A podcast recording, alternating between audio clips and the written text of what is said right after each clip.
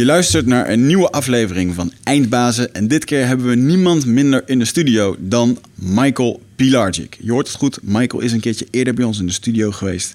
En uh, dat was een zodanig uh, gaaf gesprek. En natuurlijk is ons contact met Michael zeer goed. En daarom dachten we, we zijn 100 gepasseerd. We gaan Michael nog een keertje uitnodigen. Alvorens we naar dit gesprek gaan, ga ik jullie even meenemen in de algemene mededelingen. En dat is dat deze aflevering gesponsord wordt door Nutrofit.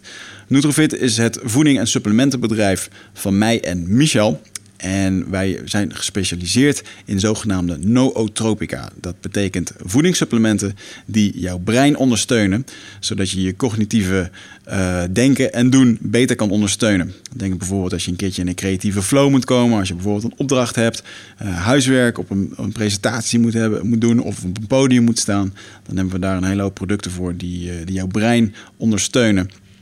En uh, kijk daar zelf eventjes op uh, www.nutrofit.nl. Ga erheen met de kortingcode EINDBAZEN. En uh, we hebben een money back guarantee op alle producten. Als het niet bevalt, stuur je het terug en krijg je gewoon je geld terug. Dat is, dat is zo omdat we geloven in onze producten. En we zeker willen weten dat de klanten die ooit iets bij ons kopen, dat die altijd tevreden zijn. Als tweede mededeling is dat Michel en ik een nieuwe mastermind groep gaan starten. Dat zullen wij doen in november. Dat is voor maximaal 10 ondernemers. En uh, dat is de tweede groep die we gaan starten. In januari dit jaar zijn we ook een groep gestart. Daarin begeleiden we 10 ondernemers naar uh, een grotere, succesvollere onderneming.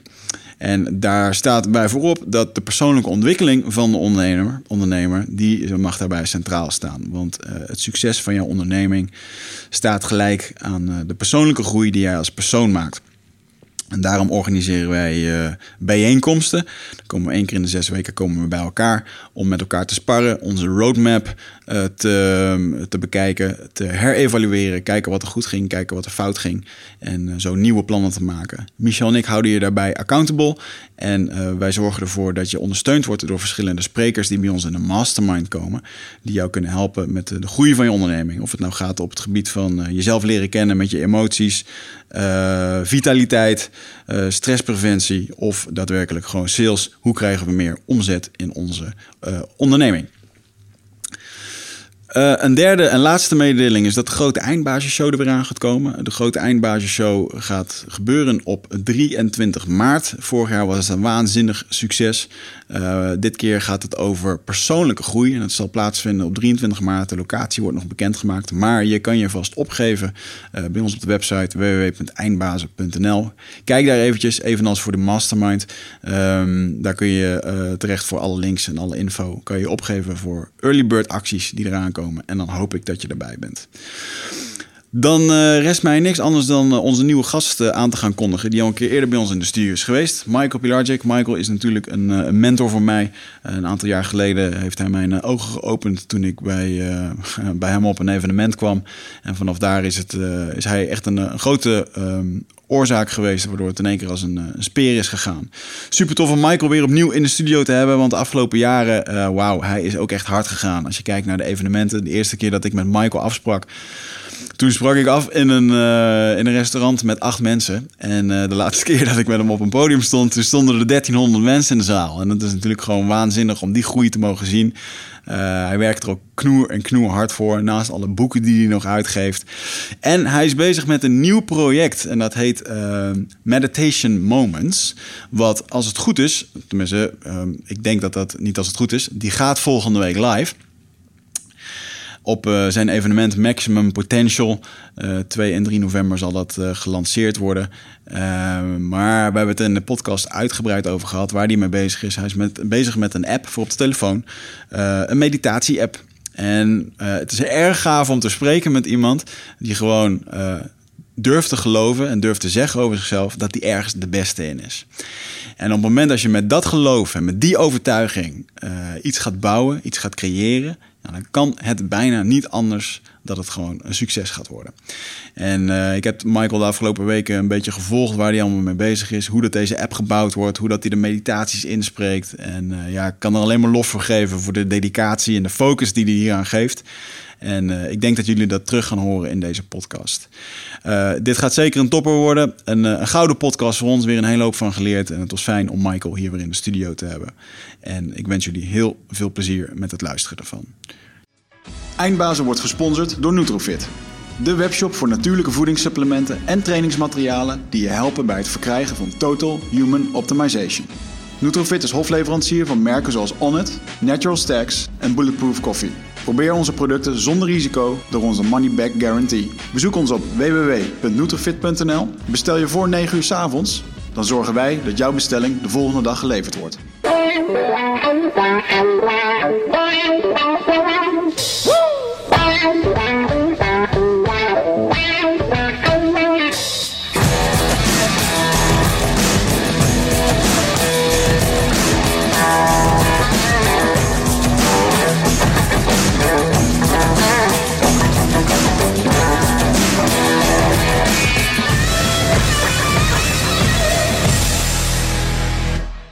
Mooiste compliment wat we nog hebben gehad, was bij jou Maximum Potential. Hè? Van die ouders die zeiden van, joh, jongens, ik weet niet wat jullie doen. Maar jullie krijgen het voor elkaar dat onze kinderen twee uur lang zitten te luisteren. En die komen naar ons om te vertellen hoe interessant het was. Hij zegt, die aandachtspannen van mijn zoon, het is echt van de, van de bijzonder. maar jullie kan die, twee, kan die twee uur luisteren. Dus dat was een goede...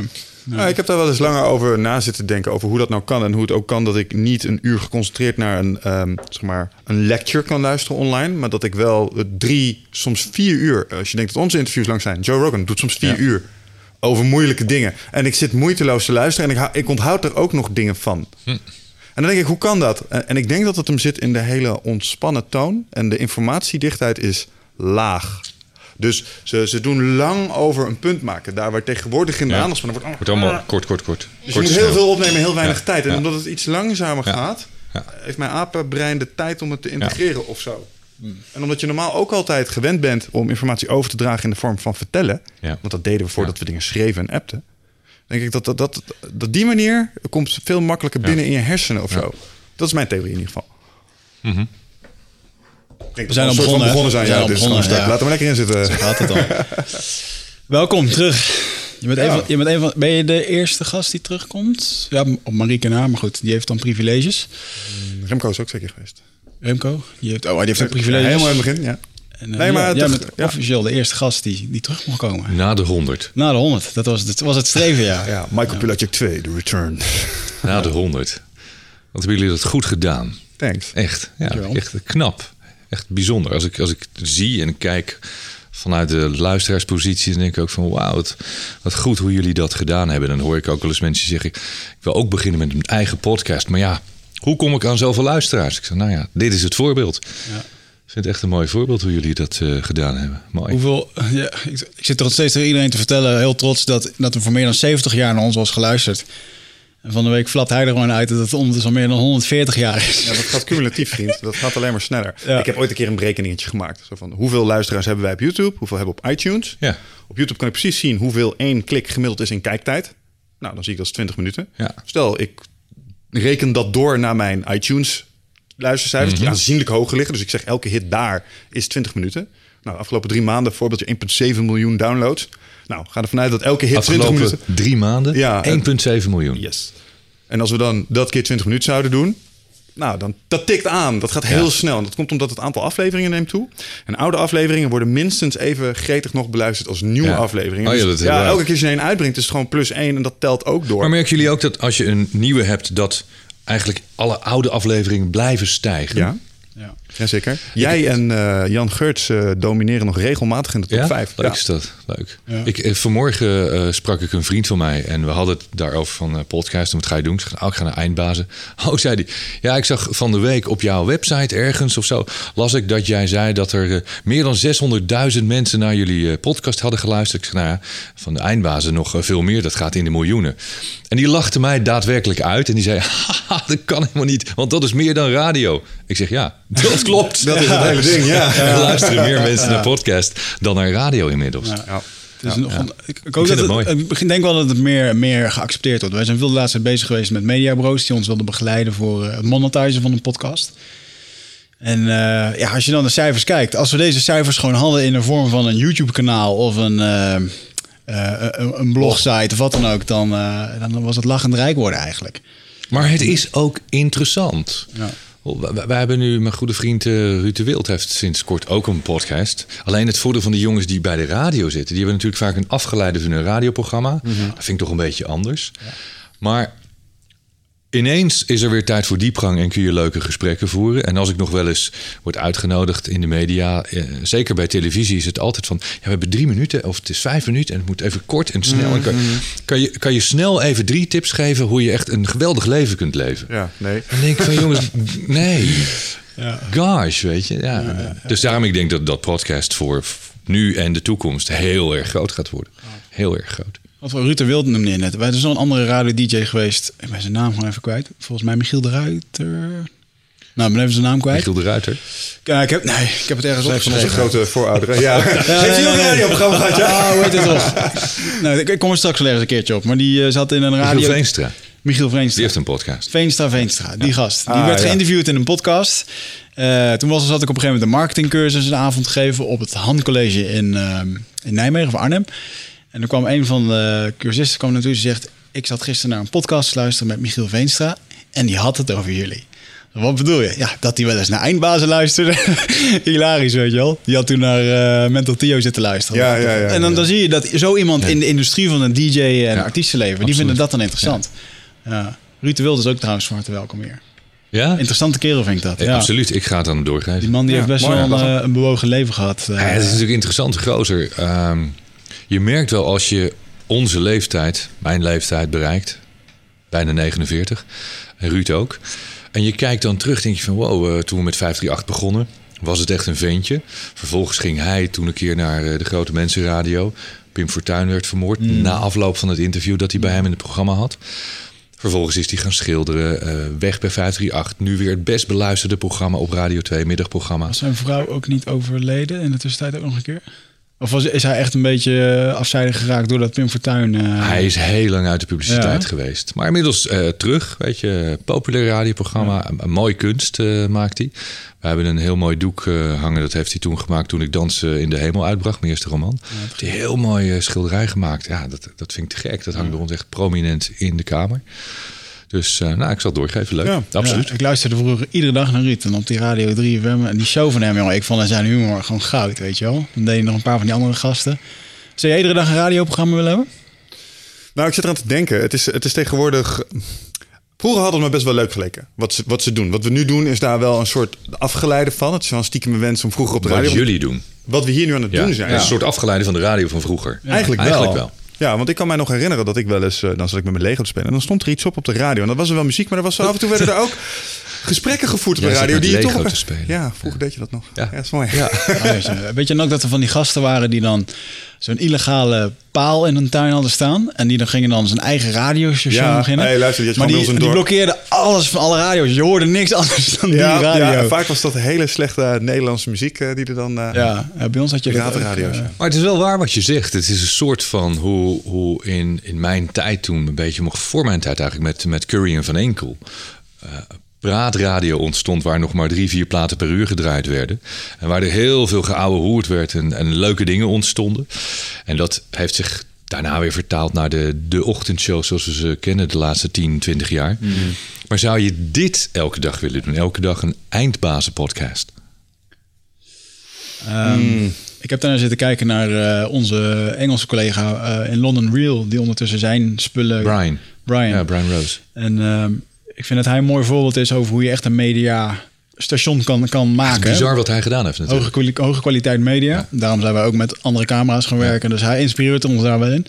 Alleen ik merkte wel, hij heeft in principe geloof ik anderhalf uur aflevering, een uur. En Mhm. die moest hij al inkorten eh, voor wat er nu wordt uitgezonden op televisie. Dus moet je je voorstellen dat men straks zegt in RTL, dit is tof. Alleen jongens, 20 minuten de tijd. Dus dan Ja. moeten we dit gesprek, moet je de highlights eruit gaan halen of zo. Nou, de, va- ik laat het dan, als we het eh, op de, in de klassieke model zouden moeten doen, zou het antwoord nee zijn. Ja. Zouden we het zelfstandig kunnen doen en zelf middelen genereren, waardoor we niet bijvoorbeeld plots allerlei inmenging kregen van bovenaf en in het format werd gesneden, dan zou ik het nog steeds niet elke dag willen doen om het speciaal te houden. Maar als ik niks anders hoefde te doen als pra- betaald praatjesmaker zijn, dat leek me fantastisch. Ja, zeker. Hoewel mijn, mijn, mijn aandachtskommen vergt wel dat ik dan nog wel wat andere dingetjes doe, maar dat is alleen al om mezelf eh, geïnteresseerd te houden. Maar het lijkt me wel leuk om dit meer te doen.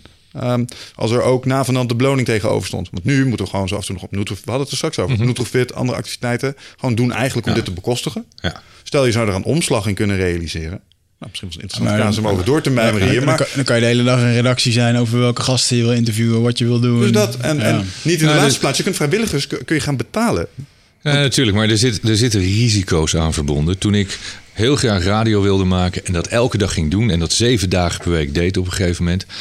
dan merk je wel na tien jaar dat je het heel lang hebt gedaan... en dat er Ja. een moment komt dat je denkt van nou, ik vind het niet meer leuk. Ik vind nu weer te gek om, eh, om één keer in de week of één keer in de twee weken... een podcast te maken met Cindy samen. Je vind, ja, voor ons is dat radio. Net zoals we hier zitten, het is gewoon zo leuk om te doen... Maar ik zou het één qua tijd niet redden. Maar ik denk als ik het elke dag zou gaan doen. En jullie hebben dan ook nog eens dat je, dat je gasten moet gaan, eh, gaan regelen. En dat er mensen naar de studio moeten komen. Maar op een gegeven moment denk ik wel dat, dat het minder interessant gaat worden. In mijn optiek kun je beter zorgen dat je één keer per week iets heel goeds maakt. Net als dat je zegt van ja, ik schrijf één keer in het jaar of één keer in de twee jaar een heel goed boek. Dan dat je drie boeken per jaar gaat uitgeven. Ja. Denk ik, mijn mening. Ja, nou, het gaat terug naar waar we het er straks over hadden. Kijk, als je verplicht die drie, eh, die drie keer per week moet aanhouden, dan wordt het heel snel heel moeizaam. Als je jezelf vrij bent en je zegt, ik doe het gewoon drie weken niet, screw it. Ja. Eh, en dat is ook oké, eh, omdat dat uit kan op dat moment. Ja. Eh, dan is het minder erg. Ik neem het voorbeeld waar we het er straks over hadden. eh, Joe Rogan, Eh, die pompt soms drie, vier per week uit. Ik luister ze allemaal, want ik vind dat echt heel erg leuk. En hij lijkt het ook niet vervelend te vinden of zo. Snap Nee, je? maar eh, die verdient- die verdient 75.000 euro per podcast. Hoeveel? 75.000 Per podcast. dollar, hè? Ja. Ja. ja, met sponsoren ervoor en zo. Dat is belachelijk. En, eh, en, en die, Ja, downloads, die downloads gaan gewoon in de biljoenen. Hij was gewoon de eerste Amerikaanse podcaster die dit... eh, Ja, maar het is de, de andere wereld daar natuurlijk. En hij is heel erg leuk. Dus dan? is, eh, Dat helpt. Ja, hij wel. Wij niet. Dankjewel, Mike. Zo bedoelde ik het niet. nee, mooi. hey, maar ehm, Fijn dat ik er ben. Dankjewel. Ja, ja, ja, we gaan beginnen. het is goed om weer terug te hebben. Nu gaan we het hebben over, echt, eh, over echte zaken. Jij bent ook druk geweest. Je hebt niet- stilgezeten. Nee. Ehm, ik moet er altijd nog steeds om lachen dat ik de eerste keer dat ik jou zag was in een restaurant waar we met acht mensen zaten. De laatste keer dat ik jou zag stonden we met 1300 man op een podium. Mhm. Dus er zijn dingen veranderd in de tussentijd. Hoe heb je dat eh, ervaren de afgelopen eh, jaren? Nou, als ik nu terugkijk naar eh, de laatste events die we dit jaar hebben gedaan. Nou, jullie zijn erbij geweest.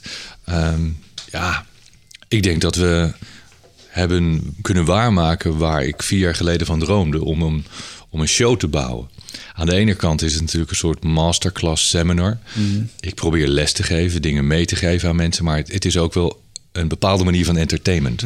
Het is niet saai suf in een, eh, in een hotel eh, waar de stoelen, weet je, zo'n, ja, ik zeg altijd een beetje het oude Amerikaanse model van de seminar. Je zit in een of ander suf hotel met die stoelen. Nou, het is niet leuk. En wij hebben daar iets leuks van geprobeerd te maken. Met eh, soms wat gekkigheid tussendoor, maar vooral ook ja, toch een beetje mijn verleden. Ik wil een mooie show bouwen op een podium, muziek, dat geluid goed is, mooi licht. Dat hebben we voor elkaar gekregen. En wat natuurlijk wel bijzonder is, want volgens mij hebben niet zo heel veel mensen dit in Nederland gedaan en op die manier voor elkaar gekregen, dat er echt honderden, tot wat je zegt, meer dan duizend mensen eh, een dag of een middag of twee dagen zelfs naar, naar zo'n evenement toekomen. Ja. Dat is denk ik wel redelijk uniek. Dat is waanzinnig. Ja. In wat voor vorm ehm, hebben mensen dit eerder gedaan? We hebben Emiel Raterband. Liet mensen over kolen lopen en glas eh, springen. Ja, maar ik weet niet of Emiel vroeger zelf events organiseerde. Dat weet ik eigenlijk niet. En wat hij bij ons vertelde was hij de eerste events... Toen hij terugkwam van Tony Robbins... Ja? heeft hij zijn eerste events mensen betaald om te kijken. En daarna begonnen de zalen wel eh, te vullen. En ik heb hem wel toen veel gegoogeld. Op YouTube, Op YouTube staan behoorlijk wel wat, eh, Ja. wat evenementen waar hij toch wel een zaal vol heeft. Dat- zijn misschien geen duizenden mensen. Eh, maar ik denk dat hij zijn grote publieken vooral bij bedrijven heeft Ja, aangetikt. daar ken ik hem vooral van. Dat hij, dat 2500 hij managers. Of- ingehuurd. Ja. Ik geloof dat hij ook een keertje voor een stadion van 20.000 Oh jawel. mensen heeft gestaan. Hij was ook heel, heel goed in zeker jaren negentig. Ja. eh, waar ik hem nog van kende, was hij heel goed. Dan heb je dokter Mar- Martina volgens mij. Die... Roy. Roy, ja, Ja. die heeft het volgens mij ook wel. eh, maar die, als ik de filmpjes van hem zie, zie ik een wat oudere doelgroep. Maar dat komt misschien omdat hij al heel lang bezig is. Hij is zelf nu, denk ik, ook midden 60, 65, Ja. zoiets. Hij heeft goede boeken geschreven overigens. Roy Martina. Neurowetenschapper, toch? Ja, nee. Ja. Ja, bijzonder. Neuro-emotionele intelligentie. Het aller, aller, allereerste boek dat ik las in, in de categorie waar ik nu les in geef, was ook van hem. En ehm, dat was nog voordat ik eh, Think Grow Rich eh, ging lezen. Dat vond ik heel interessant wat, wat iemand te vertellen had. Wat was de kernles? Eh, het ging over de, de kern vinden van je eigen ik. Dus wie, wie ben je echt? Volgens mij heet het boek ook zo. Wie ben je echt? Erg boeiend. Ik denk dat ik een jaar of 19, 20 was toen ik dat ging lezen. Dan lees je voor het eerst zo'n boek. Iemand geeft je dat en dan ga je dat lezen. Dan denk je, ja, wie, wie ben ik eigenlijk echt? En dan kom je er dus achter dat je, nou ja, heel cliché, niet je naam bent en niet de buitenkant. En dat je niet de persoon bent of het, de acteur die, die jouw rol speelt in dit leven, maar dat, dat er iets onder zit. En dan ga je meer naar je eigen bewustzijn toe. En dat vond ik heel boeiend om eh, vanaf dat moment eh, te, te- uit te diepen. Ja. Dus laatst lag om jullie podcast waar die zeiden... eh, toen jij, schijnbaar zat Cindy aan jouw been te frunniken. Wie zit, wie zit er nou onder dat velletje? dat is een aparte vraag. We hebben thuis heel vaak van dit soort gesprekken. Zo van, oké, wie, wie, maar wie zit er nou in? In, in dit pakketje Ja. lichaam, in deze verpakking? Bag of meat. Ja, en, en dat is natuurlijk heel erg Alan Watts, een van mijn eh, grote helden. Eh, die heeft het ook altijd over die, ja, die zak met, met, met vel en botten en een beetje vloeistof daarin. Maar wat zit daar nou in? En als ik jouw armen en benen eraf haal en, en tot wanneer ben jij Michel, tot wanneer ben je Wichert, wanneer houdt het op? Wanneer en, en waar zit dat Nou, iets dan? Dat blijf ik machtig interessant vinden. Gino zei dat hij ooit met een mooie vraag. Wat is het ding dat zegt mijn ego? Mhm. Weet je wel, ja, we hebben het over mijn lijf, mijn ego. Ik zit even in mijn ego. Wie zegt dat? Ja, Wie is dat ding, zeg maar? Ja. En wie beleeft dat? Want mijn ego is niet meer als een of andere reactie op de omgeving, als gevolg van mijn hersenen en dat soort dingen. En iets neemt dat waar. En dat kan er, en, en wat, wat ik de laatste tijd begin te merken, is dat je kunt echt ongelooflijk veel invloed uitoefenen op wat zeg maar daarvan doordringt en wat niet, op diegene die ernaar kijkt. Maar soms zeg ik, of ik zeg eigenlijk altijd, je moet het niet zo ingewikkeld maken. Ik vind wel dat het, het, het is boeiende materie om over na te denken, maar I don't care. ja. Ik, ik, ik weet, ik ben ik en ik doe gewoon mijn boodschappen, ik betaal mijn rekeningen, ik sta op een podium, ik doe mijn ding, ik heb contact met mensen om me heen. En dan, dan stel ik me niet de vraag, ja, maar wie heeft nou het contact? Wie zit hier aan tafel? Nee, natuurlijk niet. ben ik gewoon. Het was vooral heel veel tijd om erover na te denken. Nou ja, ik vind ook dat het niet tot heel veel zinvols leidt. Maar ik merk wel als je naar een dieper bewustzijn gaat, of een hoger bewustzijn, hoe je het wilt noemen, dat, ehm, dat er in dat zijn, wie je bent en hoe je acteert, dat je daarin wel gaat ehm, veranderen of jezelf gaat aanpassen of anders naar dingen gaat kijken. Denk je niet dat er een eh, soort van waarde ligt in? Nou ja, je moet er niet elke dag mee bezig zijn. Hè? Ik bedoel, eh, zeg je vaker, je kan je bankrekening niet vol mediteren. Of eh je way out of a tiger Nou. attack mediteren. Als je, als je weet hoe het werkt, horen we het graag. het zal bijdragen Daar heeft hij aan- boekjes over Ja. geschreven. Maar ehm, Mediteer je bankrekening vol. ja, dat zou echt mooi zijn. Nee, maar wat, wat, wat wel uitmaakt is ehm, eh, hoe jij reageert op de buitenwereld. Dus als jij Ja. heel erg stressig bent van jezelf... en je leert dat proces iets beter managen door een stukje mindfulness... Ja. dan kan dat je succes vergroten, denk ik. Doordat je minder heftig reageert. Ik bedoel, eh, als jij geen aannames doet over wat mensen van je denken... durf je misschien meer. Snap je? Ja, en dat, is, dat, is, dat vind ik zinvol. Omdat dat heeft te maken met jouw gedrag. Maar als, als mensen bij hem komen van ja, ik reageer zo, maar eigenlijk ben ik dat niet. Dat is mijn ego.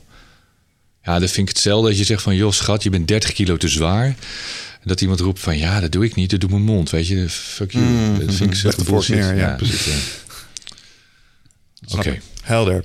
hey, maar eh, je, je zei net, best Ja. wel uniek... ehm, ja.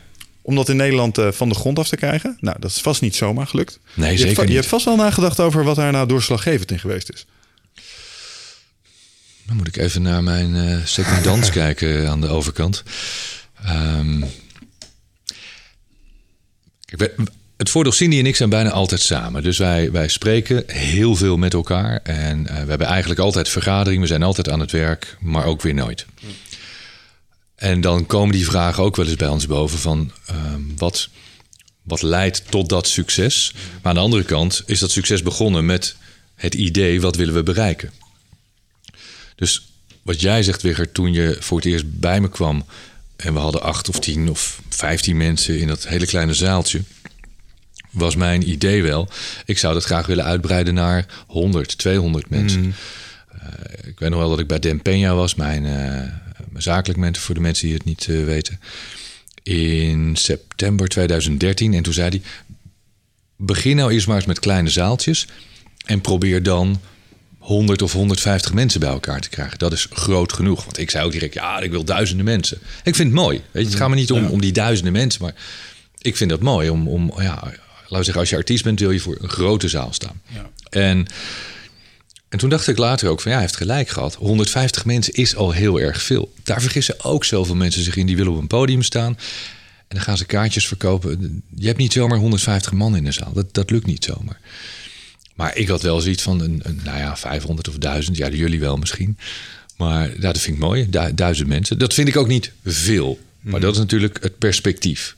Ja, iemand anders denkt misschien, ja, maar eh, met 30 man in een zaal vind ik al niet meer heel intiem. Nou, wij grijnzen omdat 150 bleek al moeizaam. We hebben laatst een grote eindbasisshow. En ik oh, dat doen we wel even. Ja. Nou, dan moesten we uiteindelijk nog best wel van aan de bak om Ja. dat eh, voor elkaar Ja. te krijgen. Ja. Ja, klopt. Maar als ik dan inderdaad naar de jongens kijk waar ik wel eens naar luister, de Les Browns, die gewoon voor stadion staan in Amerika. 60.000 man. Het joh. verschil met Les is natuurlijk... Les Brown doet dit al 40, 45 ja, jaar. Ja.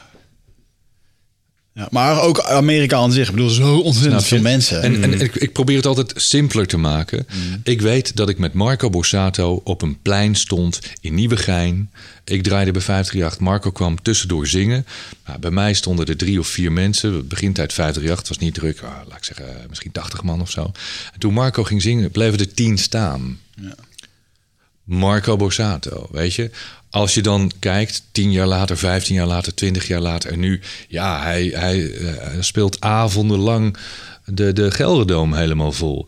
Eh, en dat, dat perspectief moet je natuurlijk wel goed in ogenschouw nemen. Dat het, het heeft een lange aanloop nodig. En vertrouwen van... eh, heel veel mensen bij jou komen voor een tweede keer.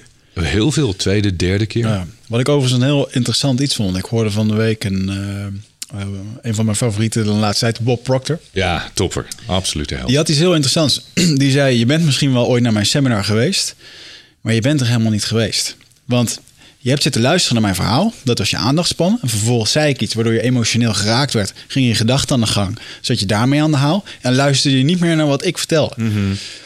Dus je hebt eigenlijk maar de helft echt bewust meegemaakt. En daarom is de, de wet van herhaling heel erg belangrijk. Dat je continu naar dit soort evenementen gaat om of A, weer die prikkel iedere keer te ervaren. Zodat je er wat mee gaat doen. Of dat er ruimte komt voor andere dingen die op kunnen, opgelost kunnen worden. Waarschijnlijk heb je ook dingen geleerd onderwijl. Ja, precies. En zijn de lessen die eerst niet relevant leken, zijn nu plots heel relevant. Want Ja. oh, dit is wat hij bedoelde toen hij zei, oh, nou snap ik het. Maar ik- dat, dat deed me in één keer denken van ja, soms dan hoor ik wel eens mensen van ja, ik, ehm, eh, wat je nu vertelt. Laatst gaf ik zelf een lezing waar iemand dat zei van ja, wat je eigenlijk hebt ver- verteld, dat, dat ken ik allemaal wel. Ik Ja, als je, het, als je het allemaal kent, als je hier niet, eh, had je er niet gezeten. Als je het heb- allemaal goed toepast. weet Ik heb nog nooit een wijs en succesvol mens ge- gehoord en gezien die deze opmerking heeft gemaakt. Slimme, wijze mensen zeggen nooit dat wist ik al. Want die weten altijd dat er nog zoveel is wat ze niet weten. Oh, wat wil je aangeven met de, de zin dat wist ik al? Je wil eigenlijk alleen maar zeggen, ik ben niet heel dom. Oh, ik, ik wist ook wel iets. Ja, ja. En je denkt dat dat iets heel veel is, maar je hebt geen idee wat je niet weet. Hè? You, you don't know what you don't know. Ja. Eh, dus ja, ik, en dat heb ik wel geleerd, zeker de laatste zeven jaar. Ik kom er steeds meer achter hoe, hoe meer ik leer, hoe minder ik weet. Ja. Dus ik, ik zal niet zo snel zeggen, ja, dat wist ik al. Ik, ehm, Heb je dan ook trouwens iets wat ik bij mezelf heb waargenomen? Hoe meer je weet, hoe je meer je zou willen dat je minder wist. ehm, nou, ik ben wel mijn best gaan doen om minder te weten. Ja. Eh, Dat is ook een van de redenen dat ik eh, bijna niet meer lees. Ik lees de boeken die ik al ken, maar ik lees nog maar heel weinig nieuwe boeken. Informatiedieet.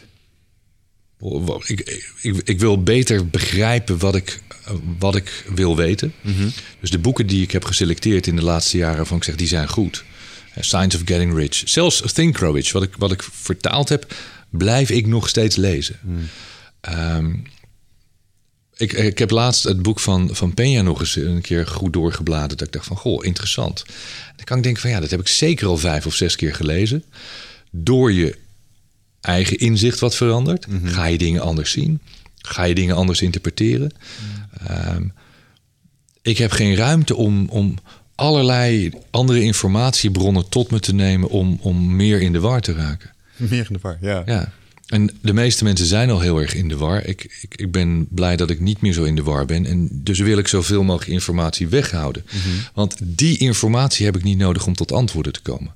Ik heb ontdekt hoe minder ik qua kennis weet, hoe meer ik echt in de rust en de stilte op zoek kan gaan of kan wachten eigenlijk. Hè, totdat die antwoorden naar me toe komen of me richting geven en, en me naar bepaalde antwoorden brengen die ik wil weten. Die haal ik toch niet uit al die boeken. Ik- ja, weet je, het, is eigenlijk. Mijn andere mentor heet Egon, levenscoach, paranormaal levenscoach. En die zegt, hij zegt dat hij nog nooit een boek heeft gelezen, behalve de I Ching, het enige boek dat hij echt heeft gelezen. Hij zegt, al die informatie verstoort is een stoorzender tussen jou en, en de kosmos, de kosmische energie, de oneindige intelligentie in. Dus hoe meer die informatie eigenlijk in je hoofd zit, even simpel uitgelegd, hoe meer er een stoorzender is om in te pluggen op, op de oneindige Google. En ik heb ontdekt dat dat zo is. Het kan heel erg afleiden. Het Ja. kan mensen van de focus houden. Ik zeg soms wel eens dat persoonlijk leiderschap ook het nieuwe roken kan zijn. Omdat mensen alleen maar cursussen volgen, alleen maar boeken lezen en daardoor ook tot een soort stilstand komen. En, eh, en waarom weet ik dat? Omdat ik dat mezelf er ook op heb betrapt. Eh, dat je op een gegeven moment alleen maar aan het zoeken bent naar dat gouden dingetje. Maar, terwijl dat gouden je, hebt ook hele succesvolle mensen bestudeerd. En dan kijk je naar die succesvolle mensen, waarvan veel mensen zeggen: ja, maar die hebben boeken gelezen, hè, biografieën van succesvolle mensen, ze hebben voorbeelden genomen. Maar het zijn niet mensen die naar talloze seminars gaan van allerlei verschillende mensen en heel veel. Er komt er weer een nieuw boek uit. Oh, dan moet ik dat nieuwe boek weer hebben. Het zit niet in die kennis. Als, als je het zelf niet begrijpt, ga je het ook niet begrijpen door die kennis van andere mensen. En ja, dat is wel iets wat ik herken bij dat soort mensen, als je dat mag generaliseren. Zo van ja, ze zijn zo zoekende op zoek naar dat goud of dat, dat succes. Maar blijkbaar hebben ze dus niet de intelligentie om te ontdekken dat dat, dat niet de manier is. Krishnamurti zei dat heel mooi. Die zei ook: intelligentie komt niet uit boeken. Wijsheid, wijsheid komt niet uit boeken. Kennis komt uit boeken. En het is niks waard totdat je het toepast.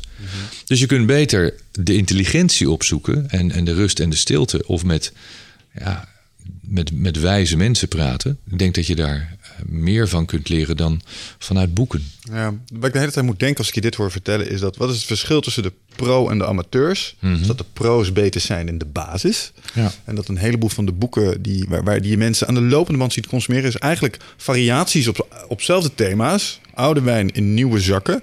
En ze gaan die nieuwe boeken steeds lezen om eigenlijk die basisprincipes, namelijk een doel stellen, consistent werken, reflectie en overnieuw beginnen met dat proces, Ja. maar niet te hoeven doen.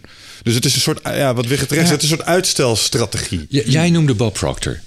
Bob die geeft al 55 jaar uit mijn hoofd les in Think and Grow Rich. Eigenlijk het enige wat hij doet. Ja, bizar. Maar hij heeft die materie zo geanalyseerd en hij, hij weet het zo goed. Hij begrijpt wat daar staat en dat leeft hij. Ja.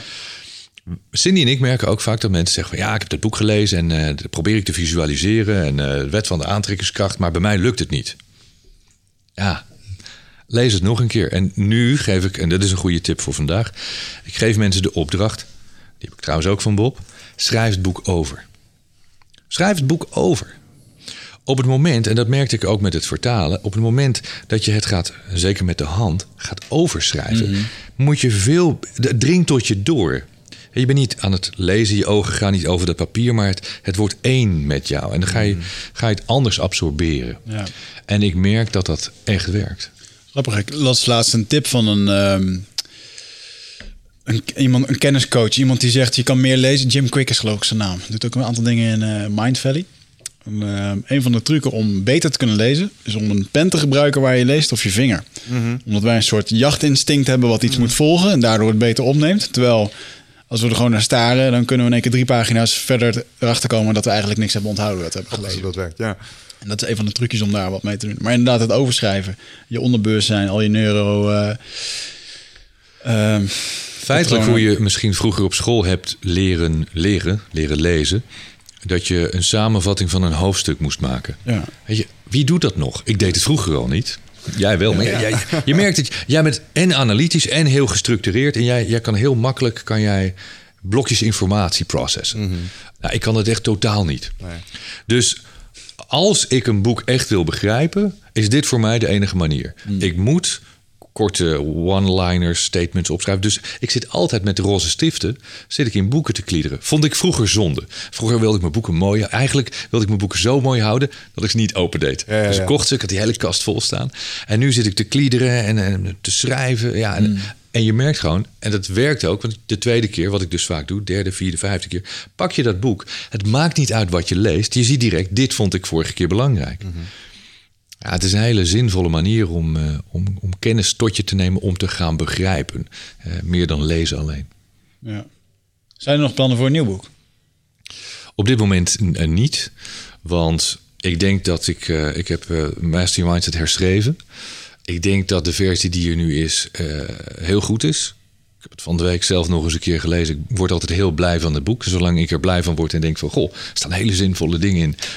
Vind ik nog steeds een goed boek. Dus eh, vooralsnog geen reden om, eh, om te herschrijven. Wat ik allemaal nog op mijn eigen programma heb staan voor de komende maanden... is ehm, de nieuwe roadmap. Ik ben het online programma. Dat, dat hebben we nu drie jaar. Eh, daar gaan we in januari een nieuwe versie van lanceren. Dus er komt een nieuwe roadmap.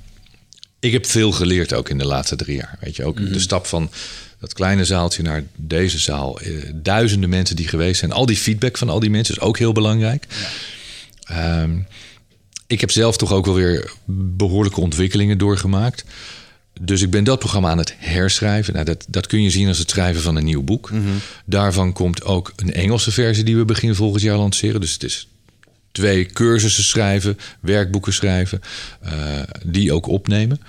En natuurlijk eh, op dit moment waar we heel erg eh, echt druk mee bezig zijn. Druk vind ik altijd een raar woord, maar waar ik elke dag mee bezig ben, is de meditatie-app. Ja. Eh, Meditation Moments. Dat is niet een boek, maar ik heb ontdekt dat ik ehm, de meditaties nu wel opschrijf.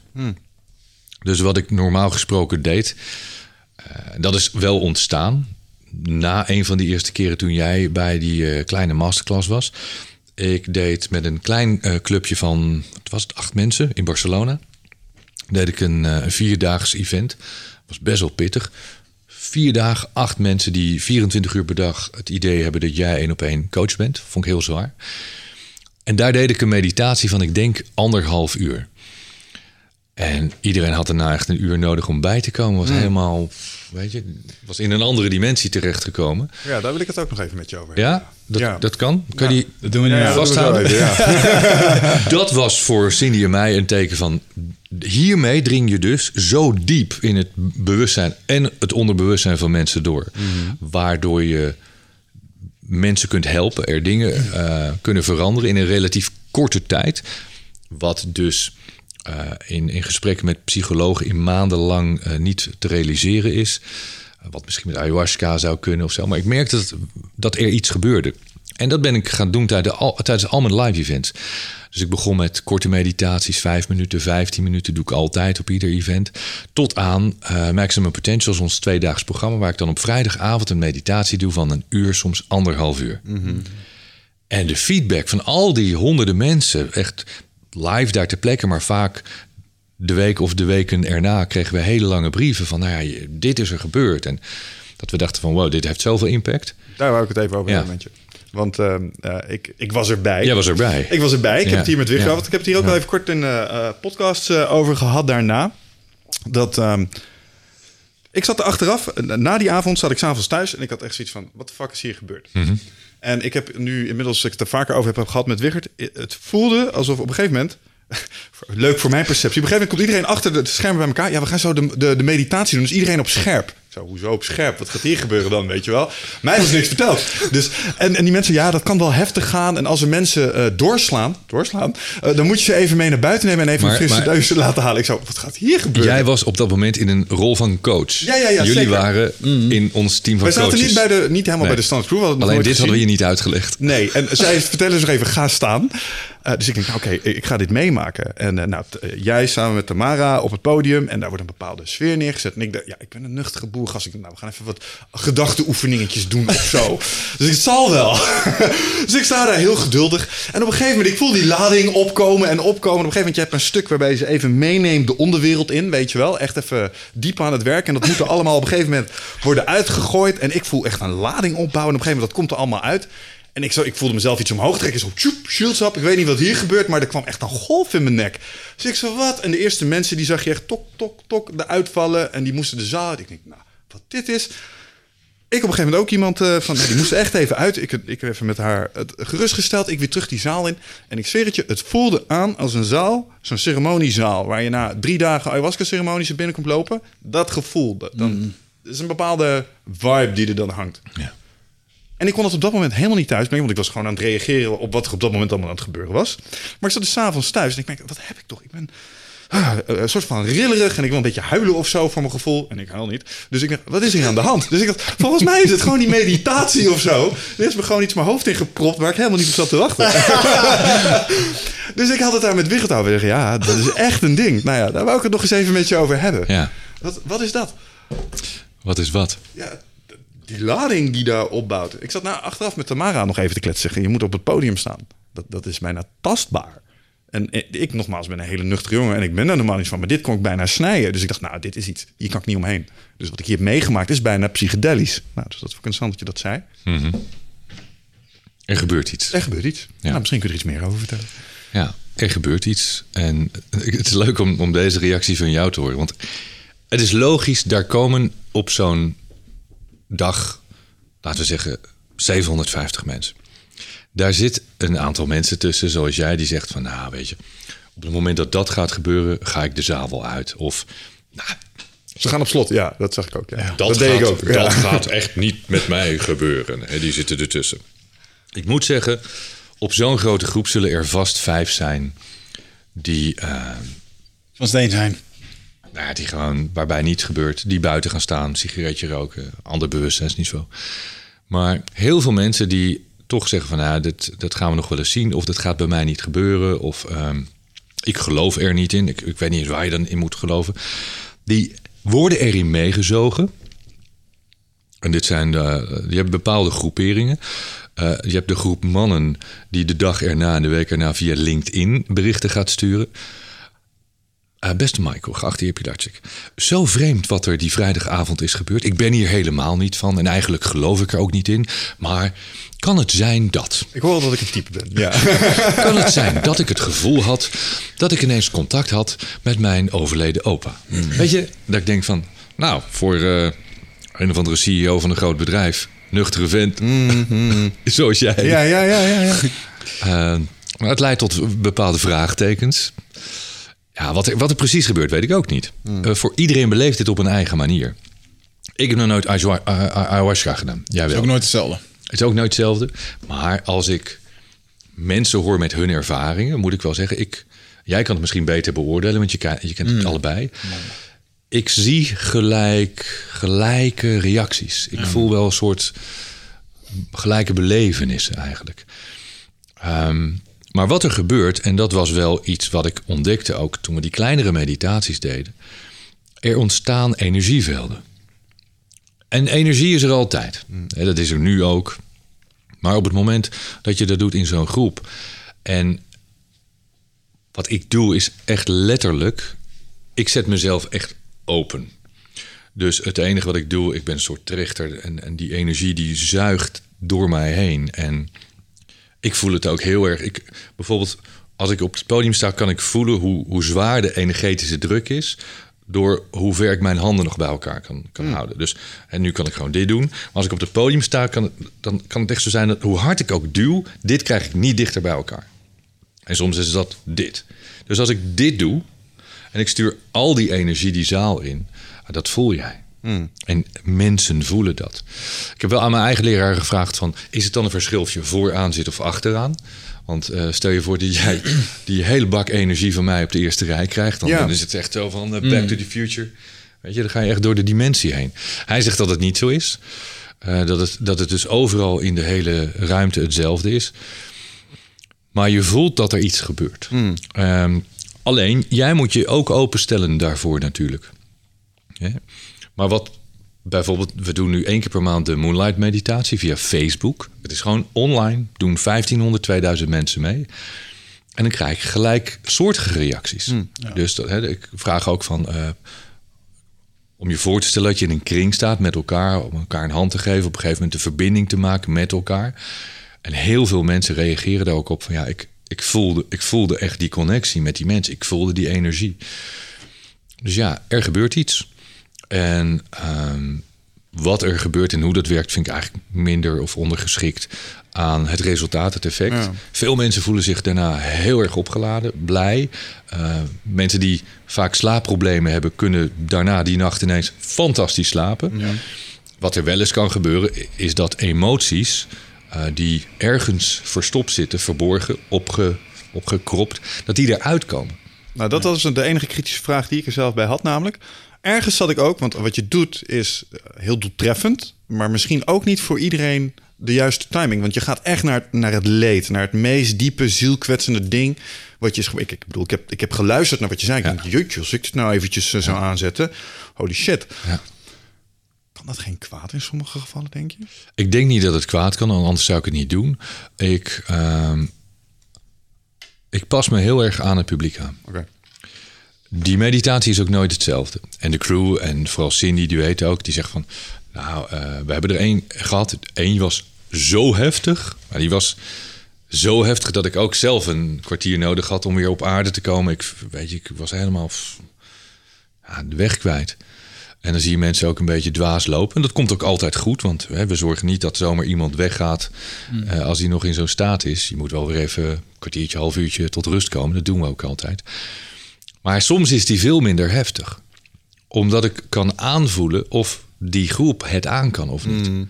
En als dat niet zo is, dan, dan, dan word ik automatisch afgeremd. Dus ik, ik, ik, er gebeuren geen dingen dat, dat er iets met jou kan gebeuren dat je denkt van nou, dit is helemaal niet oké. Okay. En daarvoor hebben we ook mensen in de zaal. Dat als jij ineens denkt van ja, ik begin zo te janken. Ja, uh, ja, ja. ik trek het niet, want er zitten natuurlijk mensen die, ja, die, die hebben overleden kinderen, die hebben bepaalde dingen waarvan ze zeggen, ja, ineens voel ik die pijn of Ja, die liefde ja. of dat die emotie wordt heel sterk. Uh, dat, ja, daar moeten ze even, even rust in kunnen krijgen om, om dat te verwerken. Maar het is niet zo dat er ontstaan geen trauma's daar. Het is hooguit dat er bepaalde zaken die jij heel erg hebt weggestopt, dat die even naar boven komen. Dat geloof ik ook wel, ja. En het geeft zoveel inzichten dat uh, ja, ik hoor alleen maar hele prettige positieve reacties van mensen daarna. Ik denk dat het gouden formule is dat je, je bent al de hele dag in jezelf allerlei dingen aan het oprakelen. Uh, dingen die beter kunnen. Je Mm. luistert naar alle inzichten en alle verhalen. Je voelt je in één keer... Want iedereen komt altijd wat stijf binnen. Zo van, oh, we zijn hier met een evenement. En nou, gaan we allemaal even staan. Dan zie iedereen uh, wat Ja, we moeten doen. En dan op een gegeven moment dan, uh, wordt het allemaal losser. En als je dus inderdaad uh, de zaal een omgeving kan creëren... waarin iedereen kwetsbaar kan zijn... En um, ik vergelijk het altijd een beetje dat sommige mensen zitten nog wel eens tijdens de presentaties ook op een telefoon, maar dan mag dat niet. En dan word je eigenlijk in één keer gedwongen om een uur lang ja. uh, stil te moeten gaan zitten. En als je dan al de hele dag bent aan het nadenken over jezelf, dan ga je in één keer dingen tegenkomen waar je normaal misschien overheen was met je telefoon of Netflix of andere dingen. En dan moet je er wel over nadenken en dan kan het eruit komen. Eigenlijk, als je het simpel zou uitleggen, je kunt niet meer nadenken. Ik, ik neem je namelijk mee naar een bepaald bewustzijnsniveau, waardoor jouw je ratio wordt eigenlijk gebypast voor een bepaald moment. Dus je, je gaat naar je primaire respons vanuit je onderbewustzijn. Mhm. Mm -hmm. En dat is wat er gebeurt. Want ik doe het ook met mensen die in de zaal zitten die mij niet verstaan. En daar komt de boodschap net zo hard binnen. Dus Mhm. mm -hmm. het gaat voorbij de woorden. Feitelijk doen de woorden niet meer zo ter zake. Het is de energie die jij gaat voelen. En uiteindelijk door een beetje die guiding in die woorden word je wel geleid. Maar ik neem je mee in dat verhaal, waardoor je op een bepaald moment raak je in een andere dimensie, andere flow. En dan, dan kun je dat contact met jezelf maken. En dit, dit is dus wat ik nu de laatste tijd aan het doen ben voor, voor die uh, meditation app. Om die energie erin te stoppen. Mm. Want er waren natuurlijk ook mensen die zeiden: ja, hoezo ga je nou een meditatie-app maken? Want er zijn al voldoende van die apps en op YouTube kan je heel veel van die meditaties volgen. Dat is ook zo, er zijn een heleboel. Alleen, is misschien hetzelfde als ja, zo'n zaaltje vol krijgen. Het is niet dat ik zeg van nou doe een leuk muziekje, weet je, en ik ga even babbelen. En ik, of je huurt een voice-over in, die spreekt een tekst in en dat is de meditatie. Dat is niet wat ik doe. En ja, ik wil niet zeggen dat magie is of zo, maar het is wel een bepaalde iets waardoor je die, die energie erin stopt. Waardoor als jij dat gaat luisteren, als je thuis straks dat ding gaat luisteren, moet die kracht natuurlijk net zo heftig zijn dat, dat, dat het bij jou binnenkomt, dat je het voelt. Mhm. Dat je niet denkt van nou, ik ga lekker 10 minuten naar meditatie luisteren. Die zitten er ook bij, gewoon lekker relaxed. Maar er zitten een aantal van die visualisaties bij, juist om tot het bepaalde niveau te komen, waar je anders niet tot kan doordringen. Maar volgens mij hoeft dit helemaal geen magie te zijn. Wat je volgens mij doet is gewoon heel goed nadenken en heel goed kiezen wat je zegt over welke dingen. Want als iemand slim, ik heb ook wel eens, dan hoor ik iemand iets zeggen, dat is een, maar ineens denk je, of dan kun je een, een zin lezen, zeg maar, dat je, holy shit, deze raakt, dit doet iets, zeg maar. Ik weet niet of dat magie is. Ik denk dat dat gewoon. Maar het werkt wel. je? werkt. Er, er kan een kracht in woorden Ja. worden gelegd op Het- die manier. ja, dat geloof het ik. werkt. Ja, het werkt. Ja.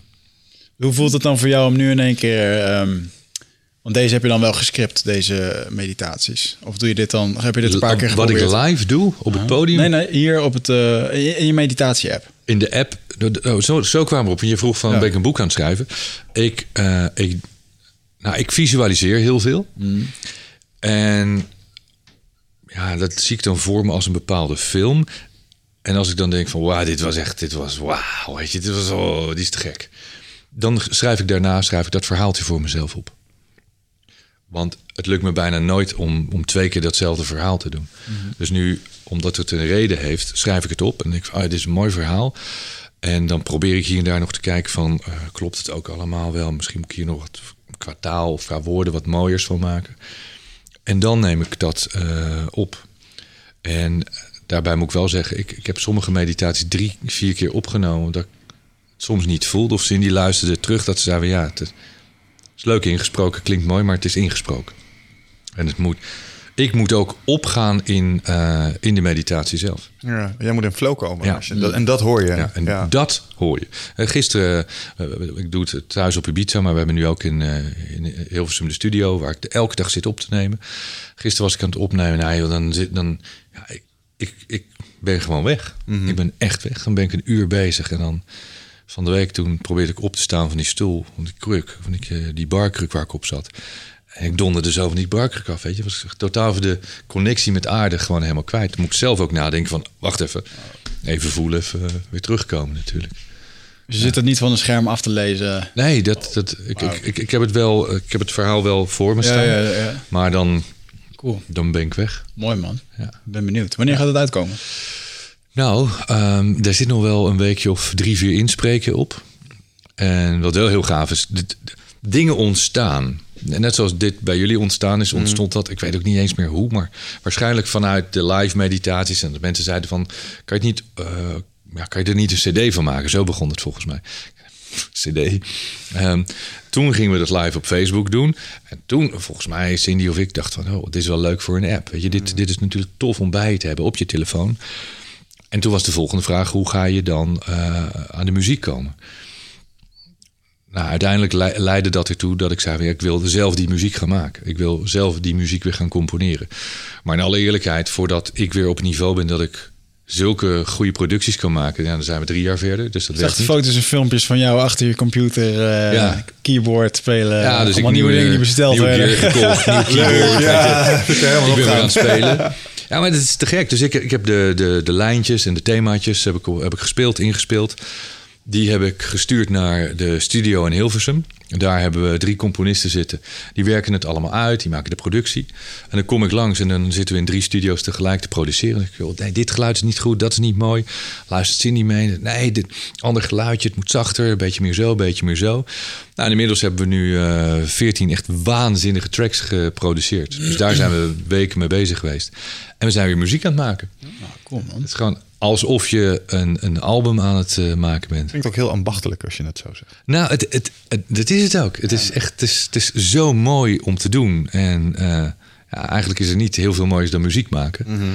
En dan in die combinatie met, met, die, ja, met die meditaties. Het is, eh, ja, ik vind magic. Hoe, hoe behoed jij je hier jezelf voor perfectionisme? Ehm, nou, ik, ik ben geen perfectionist. Ja, dat is niet het gedrag van eh, een niet-perfectionist wat ik zojuist hoor. Maar Cindy haalt de wenkbrauwen is zij je omhoog. bescherming tegen perfectionisme? Nee, maar ik zeg altijd tegen mensen: perfectie is een ultieme vorm van onzekerheid. Dat vind ik ook echt. Nee, ik, ik weet wanneer het goed genoeg is. Oké. Het kan altijd beter, maar ik weet wanneer het goed genoeg is. Maar als je aan ehm, onze chief engineer van de studio vraagt.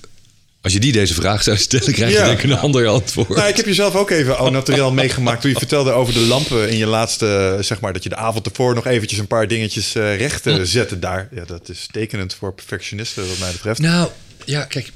Of het is een andere interpretatie.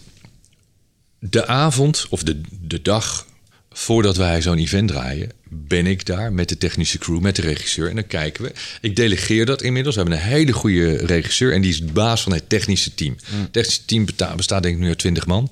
Dus ja, weet je, die gozer heeft veel meer verstand van waar een lampje moet hangen en wat voor lampje. Moet je mij niet vragen. Maar ik ga wel kijken van, is het zo? Nou, dan kom ik binnen en dan zeg ik, nou, het is zo. Dus in drie seconden weet ik dat het goed is. En als het niet zo is, kan ik altijd zeggen van, kunnen we dit aanpassen? En bij de meditatie-app is het wel iets anders. Want ik ben natuurlijk wel een enorme audiofiel. Dus ik hoor dingen die niemand hoort. En dan moet ik wel zeggen, streven we naar het allerbeste wat er is. Het moet echt het beste van de wereld zijn. Maar perfectie hoeft niet. Je bent ook de enige gast die hier altijd de stekkertjes naloopt en kijkt naar de software. Ja, En, alleen eh, jij wat is dit dan voor bakker? alleen Oh, jij kijk, en Patrick de, Kikker de hier, afhalen, eh, de boommaker. Wat zit hieronder dan, jongens? Weet je wel? Dat is de enige die dat doet. En Patrick Kikker, die deed het ook. Wauw jongens, mooie studio. ja, mooi. Ik kan er helemaal blij van worden. Ik heb ook gisteren een nieuwe microfoon gekocht. Ik kan niet wachten totdat die komt. Ja, ja, dat Voor je podcast. Nou, voor de meditatie-app ook. Ah, oké. Ja. Maar daar hebben wij ook wel geluk mee gehad. We hadden ook een paar van die audiofielen bij ons in, Ja. ons, eh, in ons groepje. En die zeiden, nee, nee, niet zo'n USB-microfoon, vriend. Eh, Moet even goed in investeren. Moet goed zijn. Ja.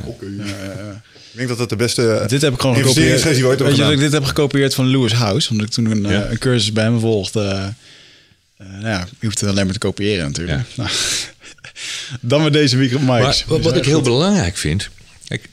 Je moet, het, je moet zo'n heel proces doorlopen voor jezelf ook. In het begin was het, nou, ik, eh, ik zoek een paar muziekjes bij elkaar. Ik spreek wat meditaties in. Dat bleek niet zo eenvoudig. Toen was het, dan gaan we zelf muziek maken. Ja, dan, dan wil je het wel echt. Als je het toch helemaal kan customizen, wil je het helemaal goed maken. Dan is het, ja, maar elke meditatie moet dan toch wel heel goed zijn. Niet perfect, maar wel heel goed. En ja, dan kijk je wel hoe je het het optimale eruit kan halen. Een folding scope. Noemen ze dat altijd. Oh, dat, oh, dat knopje. Plup. Oh, En uiteindelijk, kijk, erbij. waar het om gaat, jij hebt straks eh, een headphone op of oortjes in en je luistert. Dus, dus alles wat kan afleiden, dat, dat, dat moet voorkomen worden. Ja.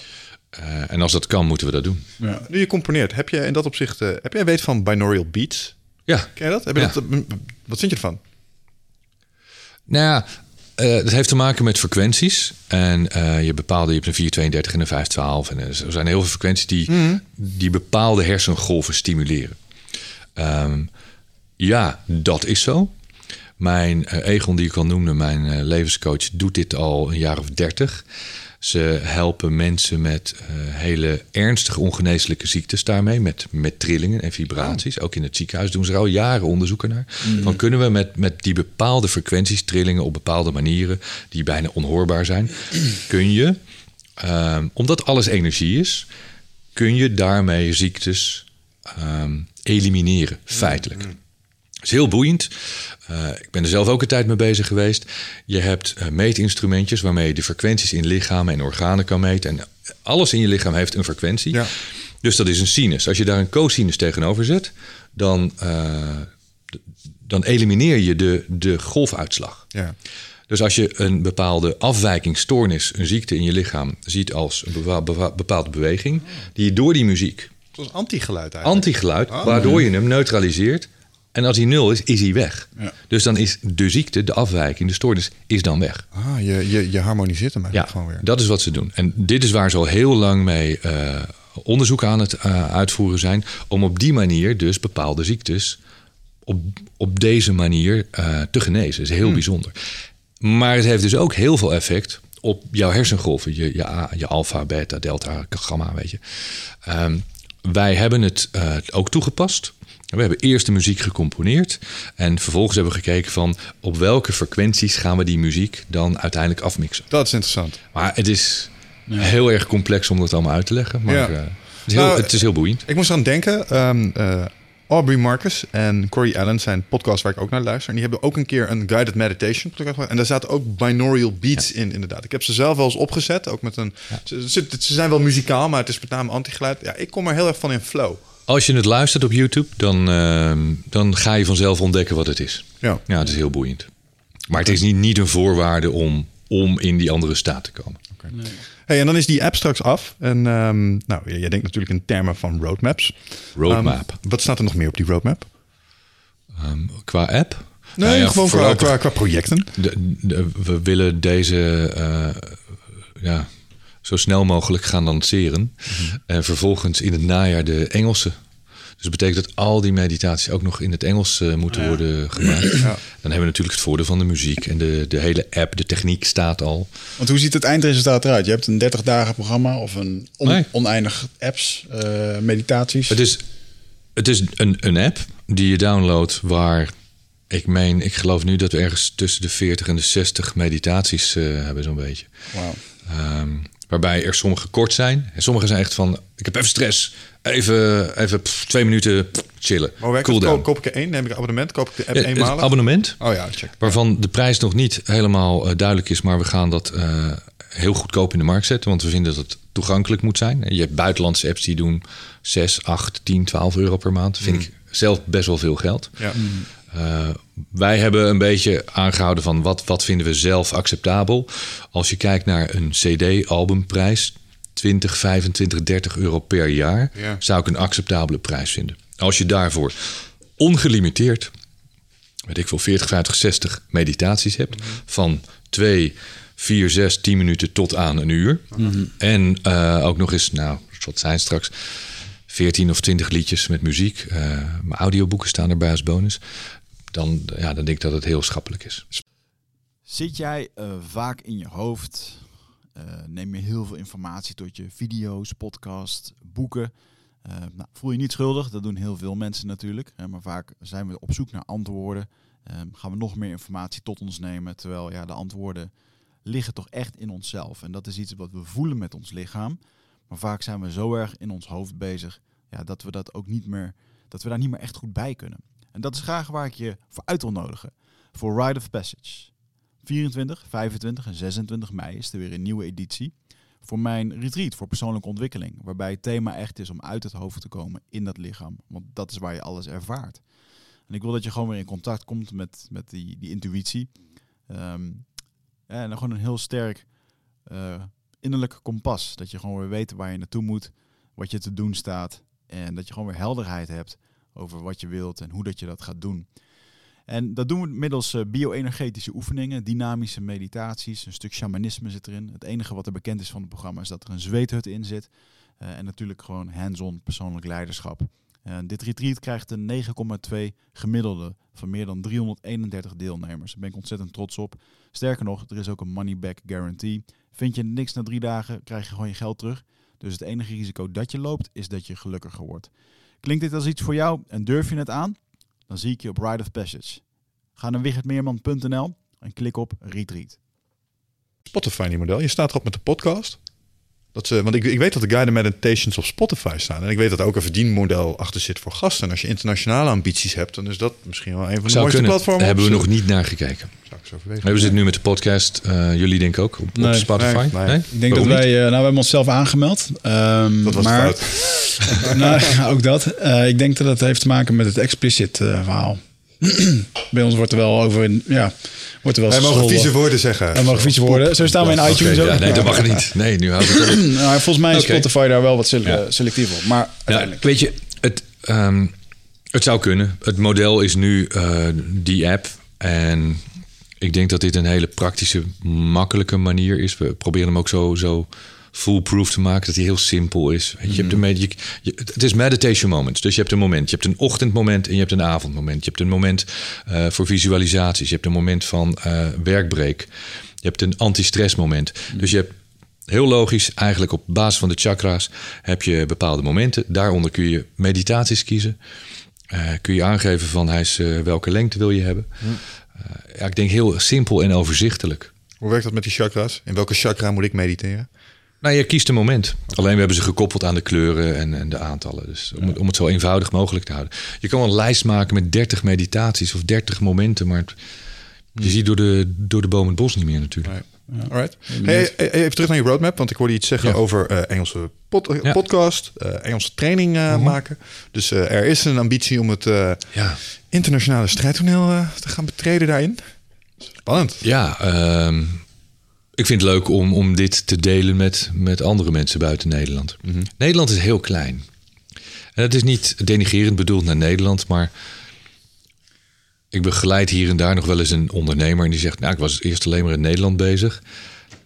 Ja, als ik zie hoe groot de wereld is, het kost me niet veel meer tijd, maar mijn multiplier is ongeveer 1000 tot 10.000 keer. Ehm, en los daarvan, hè, want eh, natuurlijk is het leuk om heel veel mensen te bereiken, maar ik, ik zou het echt te gek vinden eh, om, om bijvoorbeeld mijn boek in alle talen van de wereld te Ja, hebben. Dat zou ik echt fantastisch vinden. Nee, maar die, die multiplier is er hoor. Als wij kijken naar onze bezoeksaantal. Je had er straks de vraag, wat vond je de leukste podcast? Zei Jordan Peterson. En dat is omdat die man ook wel eh, een bepaalde zeg maar, beroemdheid heeft. En je ziet dat als je de juiste gast hebt en de juiste onderwerpen... dat zijn de best bekeken podcasts op dit moment. Gewoon omdat er gewoon meer Engels sprekende mensen zijn... als dat er Nederlandstalige mensen zijn. Bijna Gewoon wiskunde. Nou ja, ik- 60.000 keer in een week of zo.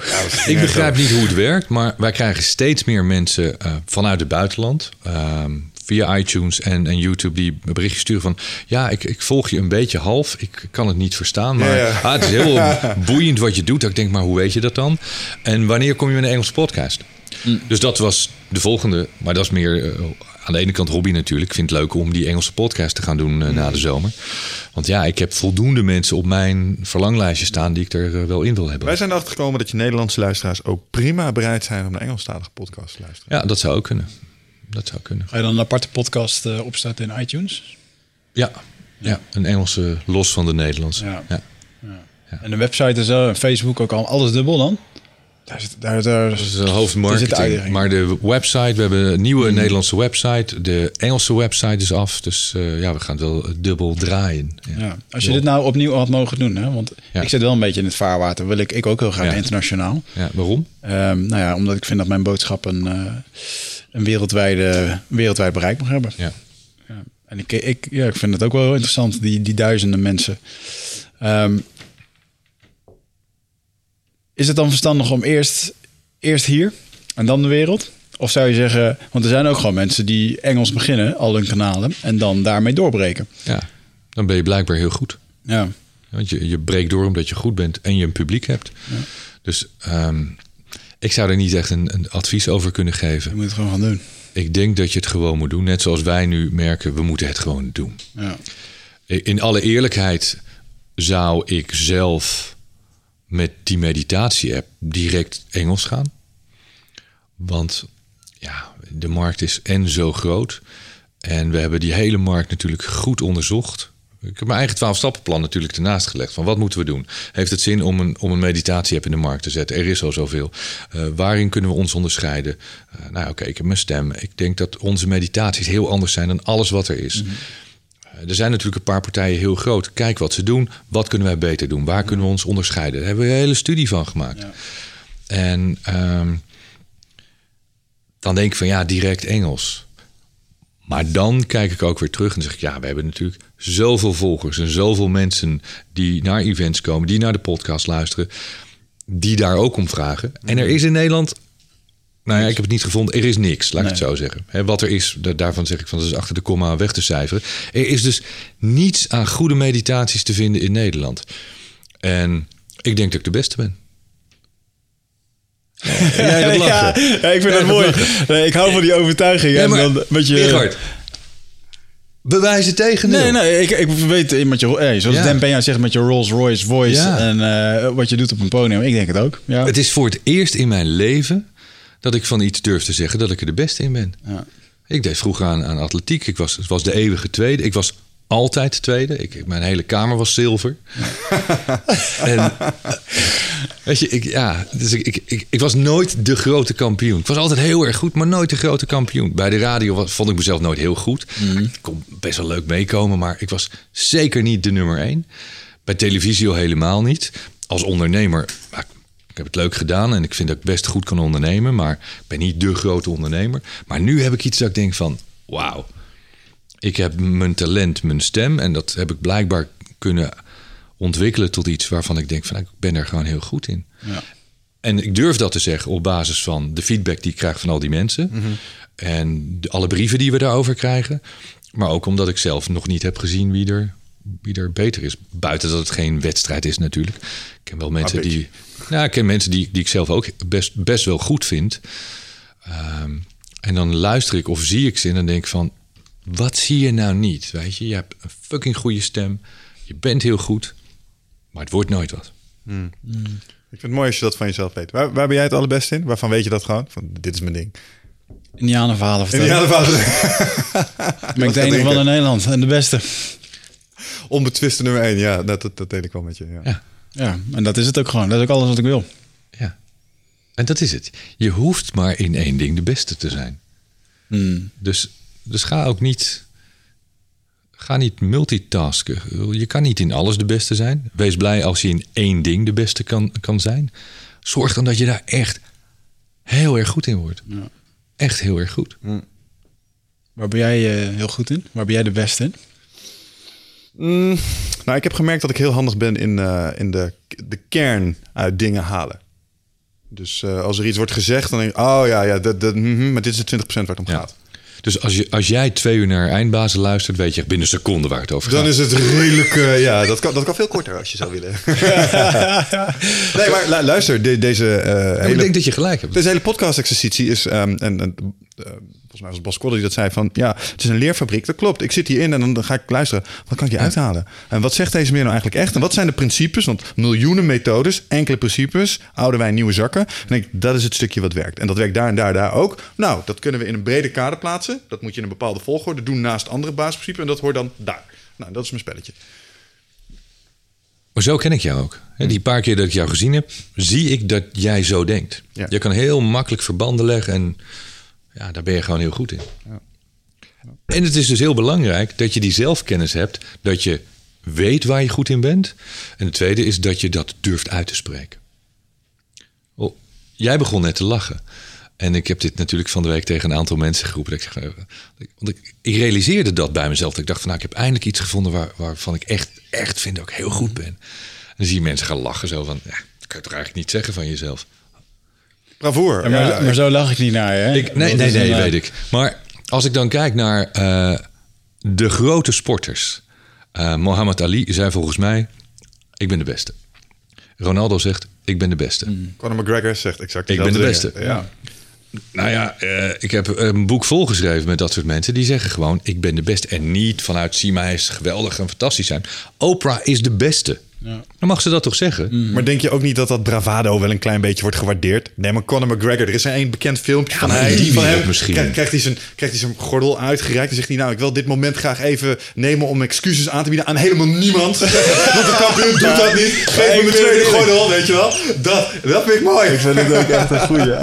Maar het is, ja, ik vind het mooi als iemand zo van het zelfvertrouwen over iets kan zeggen wat hij, wat hij zichzelf heeft eigen dat gemaakt. is mooi. Ik bedoel, zou meer, als meer iedereen dat zou doen, in hetgeen waar ze goed in zouden zijn. Hier vooral in Nederland, joh, we zijn ook veel te bescheiden. Als je gewoon een keer een schouderklopje krijgt, dan zeg je, ah nou, dat valt wel mee. Ja, ja, altijd Hey, wegpraten. Ja, Dankjewel ja, ja. man, vind ik ook. ja. Ja, weet je. ja, zo is het. Ik, ik kan het je nog anders uitleggen. We zijn nu dus met, met een professioneel team die muziek aan het maken.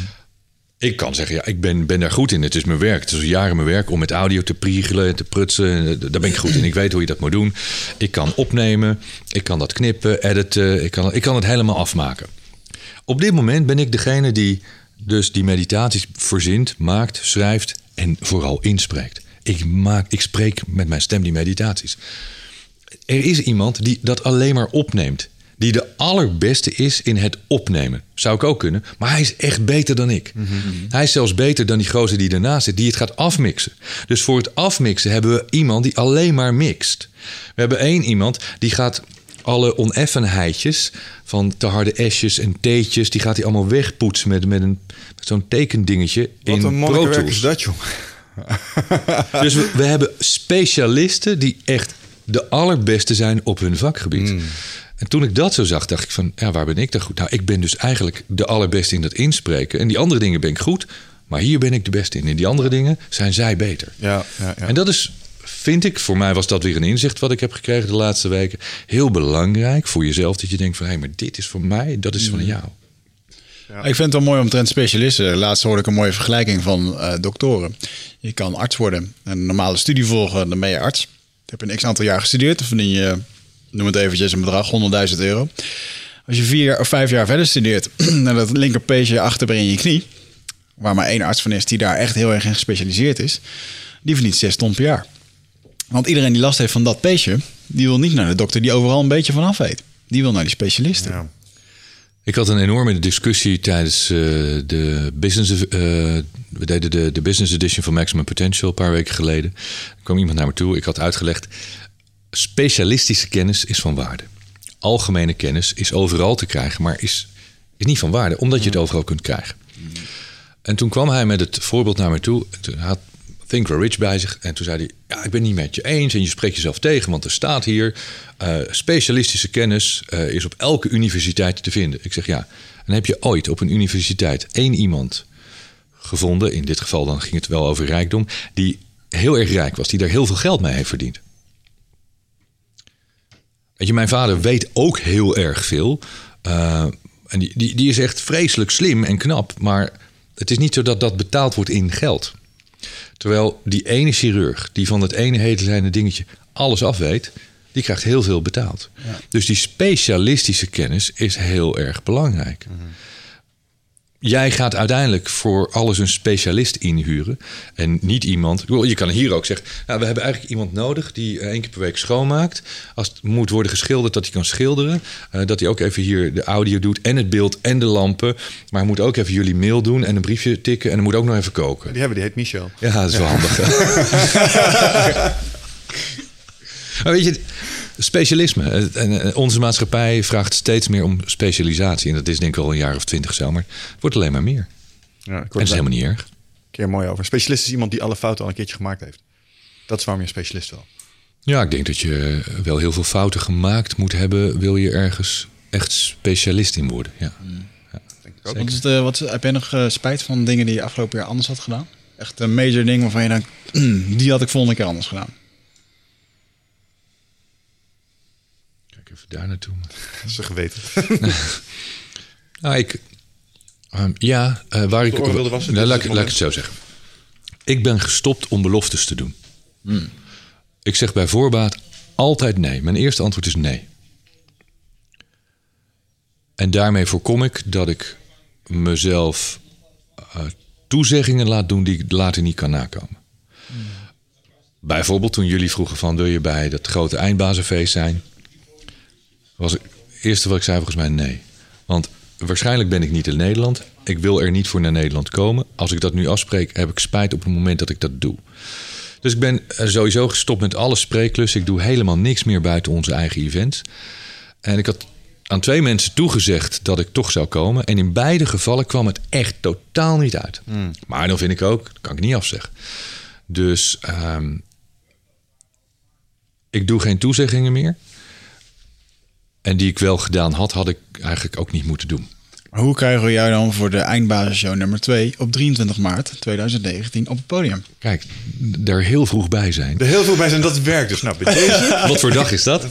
Dat is op een, zon, dat is op een zaterdag, hè? Eh, ja, volgens mij hebben we deze keer een zaterdag Kijk, het zou heel mooi zijn als we dat kunnen combineren. Dat wij de dag daarvoor of de eh, dag daarna een persoonlijk meesterschap doen of eh, iets dergelijks.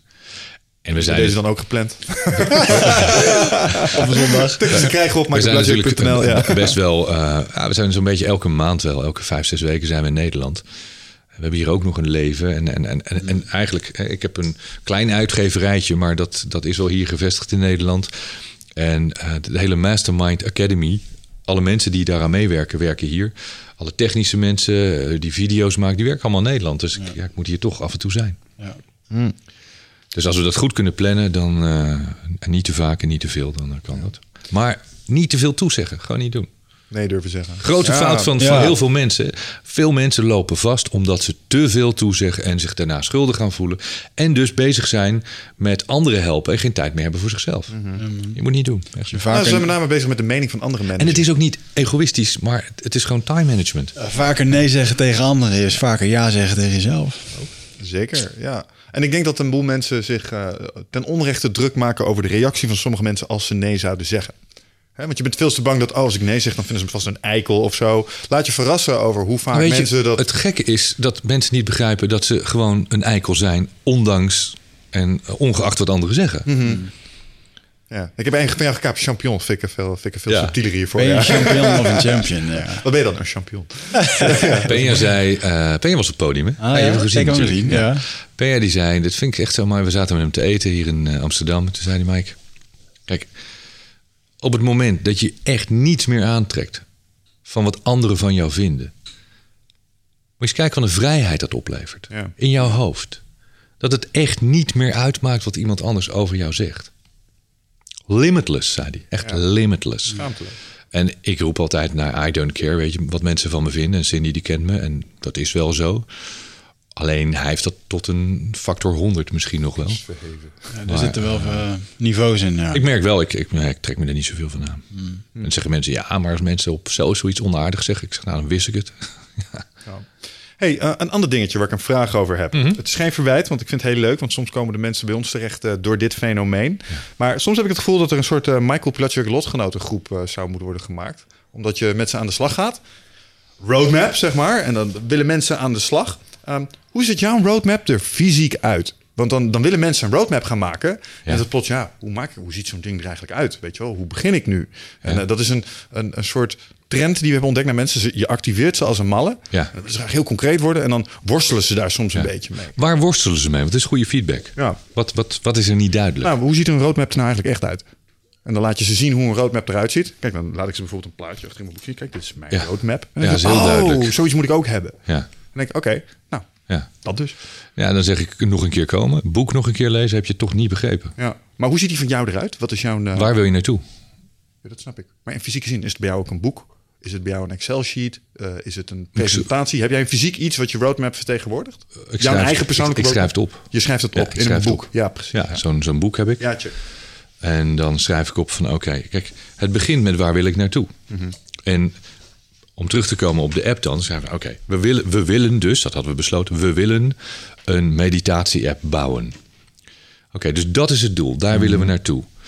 En dan gaat het meestal twee kanten op. De ene kant is wat willen we dan daarmee bereiken in resultaten. En de andere kant is hoe gaan we tot dat punt komen dat dat ding er is. Juist. Dit is heel feitelijk hoe, hoe het werkt. Nou, toen hebben we gezegd van oké, hoeveel mensen denken wij dat we kunnen bewegen om hiermee aan de slag te gaan? Omdat ik denk dat het belangrijk is.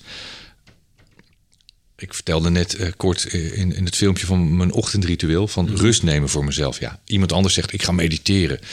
Eh, ik, ik zeg altijd ik mediteer eigenlijk nooit. Ik neem rust voor mezelf. Weet je, ik zit een beetje te chillen. Ehm, ik noem het zelden mediteren. Maar ik zie hoe belangrijk het is, hoeveel onrust er is, hoe, hoe mensen in de war klinkt misschien wat onaardig, maar wel in de war zijn, dus rust in hun hoofd nodig hebben. Het fijn vinden om die rust te vinden, een paar keer per dag, ochtends, avonds, voordat ze gaan slapen. Dus ik dacht van, nou, dit is een mooi tool. Dit kunnen mensen gebruiken. Hoeveel mensen gaan het dan gebruiken? Duizend, tienduizend, honderdduizend? Nou, we hebben zoiets van in Nederland. Ik denk dat er wel 50.000 mensen zijn die hier behoefte aan hebben. Die dit echt wel graag zouden willen doen. Even los van wat, wat mensen daarvoor over zouden hebben. Misschien zijn er wel 100.000 mensen. Dus dan op die manier gaan we denken. Schrijven we op. Wereldwijd, wat zouden we willen? Mijn ultieme doel zeg ik, ik wil 1 miljoen mensen hiermee bereiken. Dus ik zou het cool vinden als 1 miljoen mensen in heel de wereld die app gaan downloaden en naar mij gaan luisteren en dat gaan doen. Ja. Dat zou ik echt mooi vinden. Nou, dan ga je kijken van wat moet er allemaal gebeuren aan de ene kant om dat voor elkaar te krijgen. Maar voorlopig heeft dat nog niet zoveel zin totdat dat ding er is. Dus wat moeten we nou doen? En dan gaan we helemaal terug. Welke stappen moeten wij gaan zetten om daar te komen? Nou ja, eh, wie kan zo'n app bouwen? Ja. We hadden al eens eerder gevraagd, wat kost het om een app te bouwen? Nou, dan gaat het al echt in de tienduizenden. hè. Dat gaat al zelfs 180 tot 100.000 euro voor, voordat je zo'n app echt gebouwd hebt. Ehm, toen kwamen wij twee jongens tegen, Mike en Joey. die vorig jaar meededen met het businessprogramma, die ook de app voor Wim Hof hebben gebouwd. Ah. Hele mooie app. Ding is hartstikke goed. Groot succes. En Mike en Joey zeggen: Zouden jullie geen app willen? Op een of andere manier komt wat wij willen altijd op ons pad. Dus we hoefden niet ver te zoeken. Die gasten kwamen, we zijn met ze in gesprek gegaan. Oké, hoe gaan we dat dan doen? Dus het Dream Team, een van de stappen, ontstaat. Want je hebt mensen nodig. Wij konden niet zelf die app bouwen. Ja. Nou, vervolgens was dus het probleem van eh, hoe gaan we aan die muziek komen? Want we hebben muziek nodig. Nou, het verhaal heb ik verteld. Toen kwam ik eh Diederik, Diederik Huizinga. Iemand die ik ken van vroeger van de radio. Hij heeft een bedrijf dat maakt jinglepakketten voor, voor nou, onder andere 3FM, Sky, heel veel stations in Nederland, Sublime. Maar hij doet dat voor wereldwijde stations. Hij is de nummer drie speler in de wereld. Hij is top drie van de wereld in het maken van jingles voor radiostations. Z100 New York doen ze ook. En dus hij zit in mijn netwerk, kwam ineens na weken denken op in mijn hoofd van... ik moet hem bellen. Ik bel hem, leg hem dit voor. Hij vindt het te gek. Weet je, hij is ook bezig met deze ma- materie. Hij vond het te gek om mee te doen. Dus ineens zijn we met Cindy erbij, met z'n vijven. Ons dreamteam is daarmee compleet. Dan kun je die stappen echt uit gaan werken van wat moet er daadwerkelijk gebeuren. Oké, jullie gaan het technisch maken. Dat wordt weer uitgesplitst van wat moet er dan technisch gebeuren voor Android, voor, voor eh, Apple. Eh, er moeten teksten gemaakt worden. Dus net zoals jij werkt, worden er dan schema's Ja, gemaakt. ja, ja, ja. Echt heel schematisch, een invuloefening. En alle vakjes moeten worden ingevuld. Ja, en hoe manage je dat spelletje voor jezelf? Bijvoorbeeld dat overzicht bewaken over al die projecten. Schrijf je dat ook daadwerkelijk op? Of heb je daar... Ik, ik schrijf dat op. Ik ben Ja. heel ouderwets. Ja. Eh, die jongens hebben daar digitale for- formulieren. Daar zitten we in een of andere cloud. Ik weet niet wat ze Ja, ja, hebben. ja. Dus, het, backup management pakketje. dus ik, zo, ik, nou ja, ik doe dat op papier en in pages. En dat mail ik naar die jongens. En die zetten dat dan weer in het systeem. Want ik vind het allemaal te veel gedoe. Ik schrijf het op. Ja. Eh, vaak gewoon in mijn, in mijn MacBook. Daar heb ik wel hele overzichten. Je hebt wel iets van een systeempje voor Ik jezelf. heb absoluut een systeem. Ja, dat vind ik interessant. En ehm, wat ik zeg, we hebben uitgebreid onderzoek gedaan. Echt uitgebreid onderzoek van wat zijn dan nu op dit moment de aanbieders van meditaties wereldwijd. Oké, wat wordt er op YouTube aangeboden? Hoeveel mensen kijken daarnaar? Oh, dat is veel.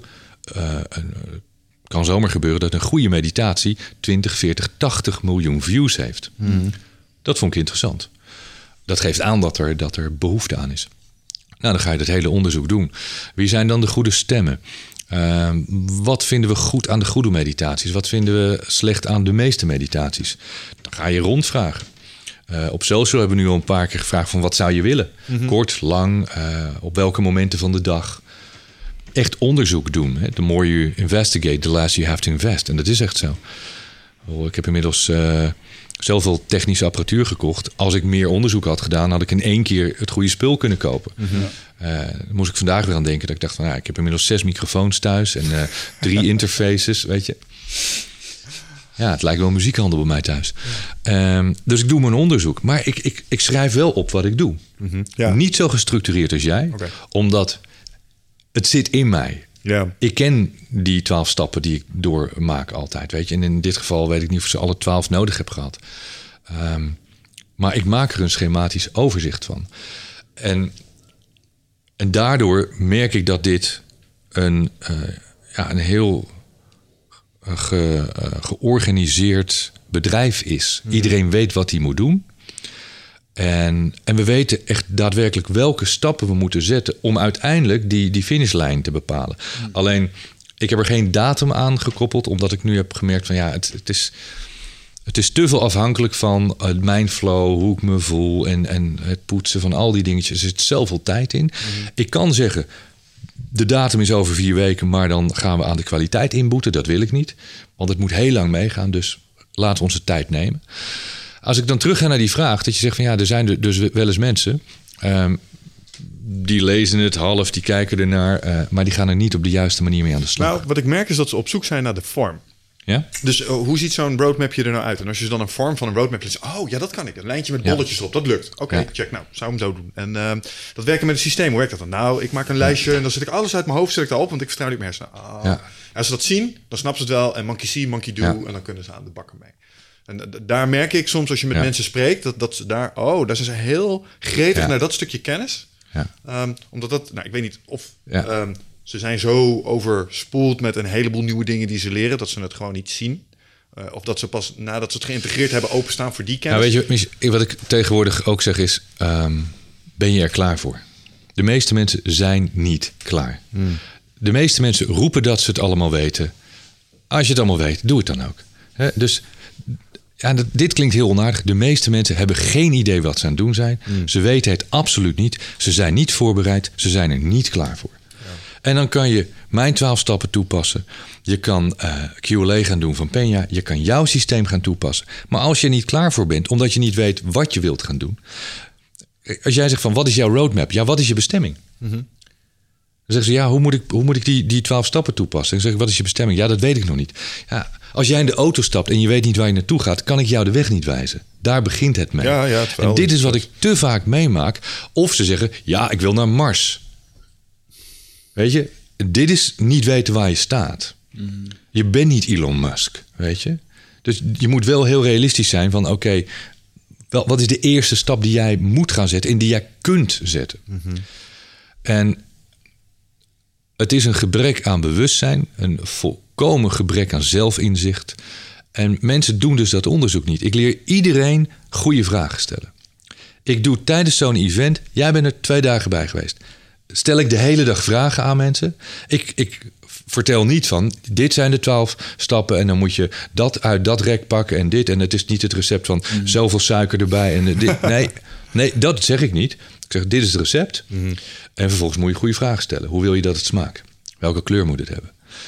En dan zegt iemand dus na die twee dagen, die komt naar me toe, zegt: Ja, je hebt eh, twee dagen lang geroepen dat je goede vragen aan jezelf moet stellen, maar je hebt niet één keer uitgelegd hoe je dat moet doen.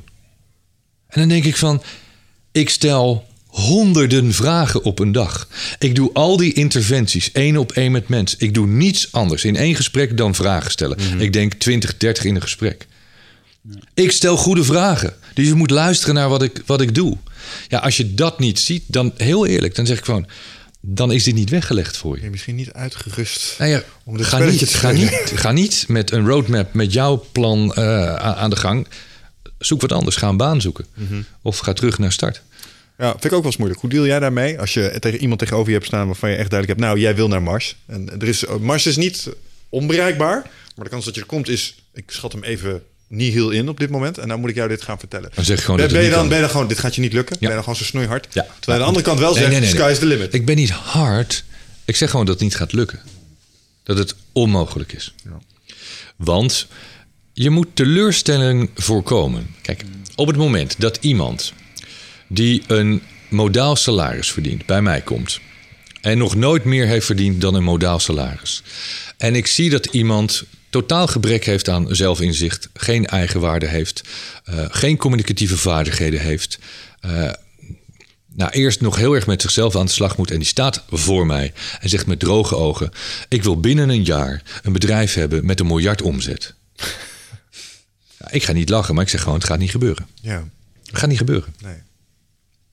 Omdat daar moet je realistisch in zijn. Dan zeg ik van: Ik zeg niet dat het uitgesloten is dat je ooit die miljard gaat omzetten.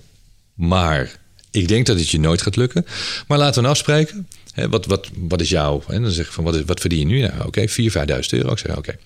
Dus als je nu 50 of 60 of 80.000 euro per jaar doet, laten we dan beginnen met volgend jaar dat verdubbelen. Ga volgend jaar eens 100.000 of 200.000 of 250.000 euro omzet draaien. En daarna een half miljoen. En daarna, en zo ga je verder. Ja. En dan, dan ga je inzien hoeveel die miljard is. merk, merk het ook met kinderen, weet je. Ja. eh, kids eh, hebben het idee dat de sky the limit is. En dan hebben ze een baantje en dan verdienen ze drie of vier of vijf euro per uur. En dan zeg je, nou, hoe- hoeveel miljoen jaar moet je dan dus werken om dat te gaan? Ja. maar dat is het heel vaak. En dan zie je iemand zo van, huh? is het zo duur? Ja, Ja. ja. Dus ik, ik vind niet hard, maar je moet wel realistisch zijn. Ja, dat denk ik ook wel. Dat, ja. Vooral als je het gaat... Dit is, wat, dit is heel krachtig wat je doet. Basic arithmetic. Gewoon een klein rekensommetje. Hoeveel uurtjes, à 3 euro per uur, moet jij maken om miljonair te zijn?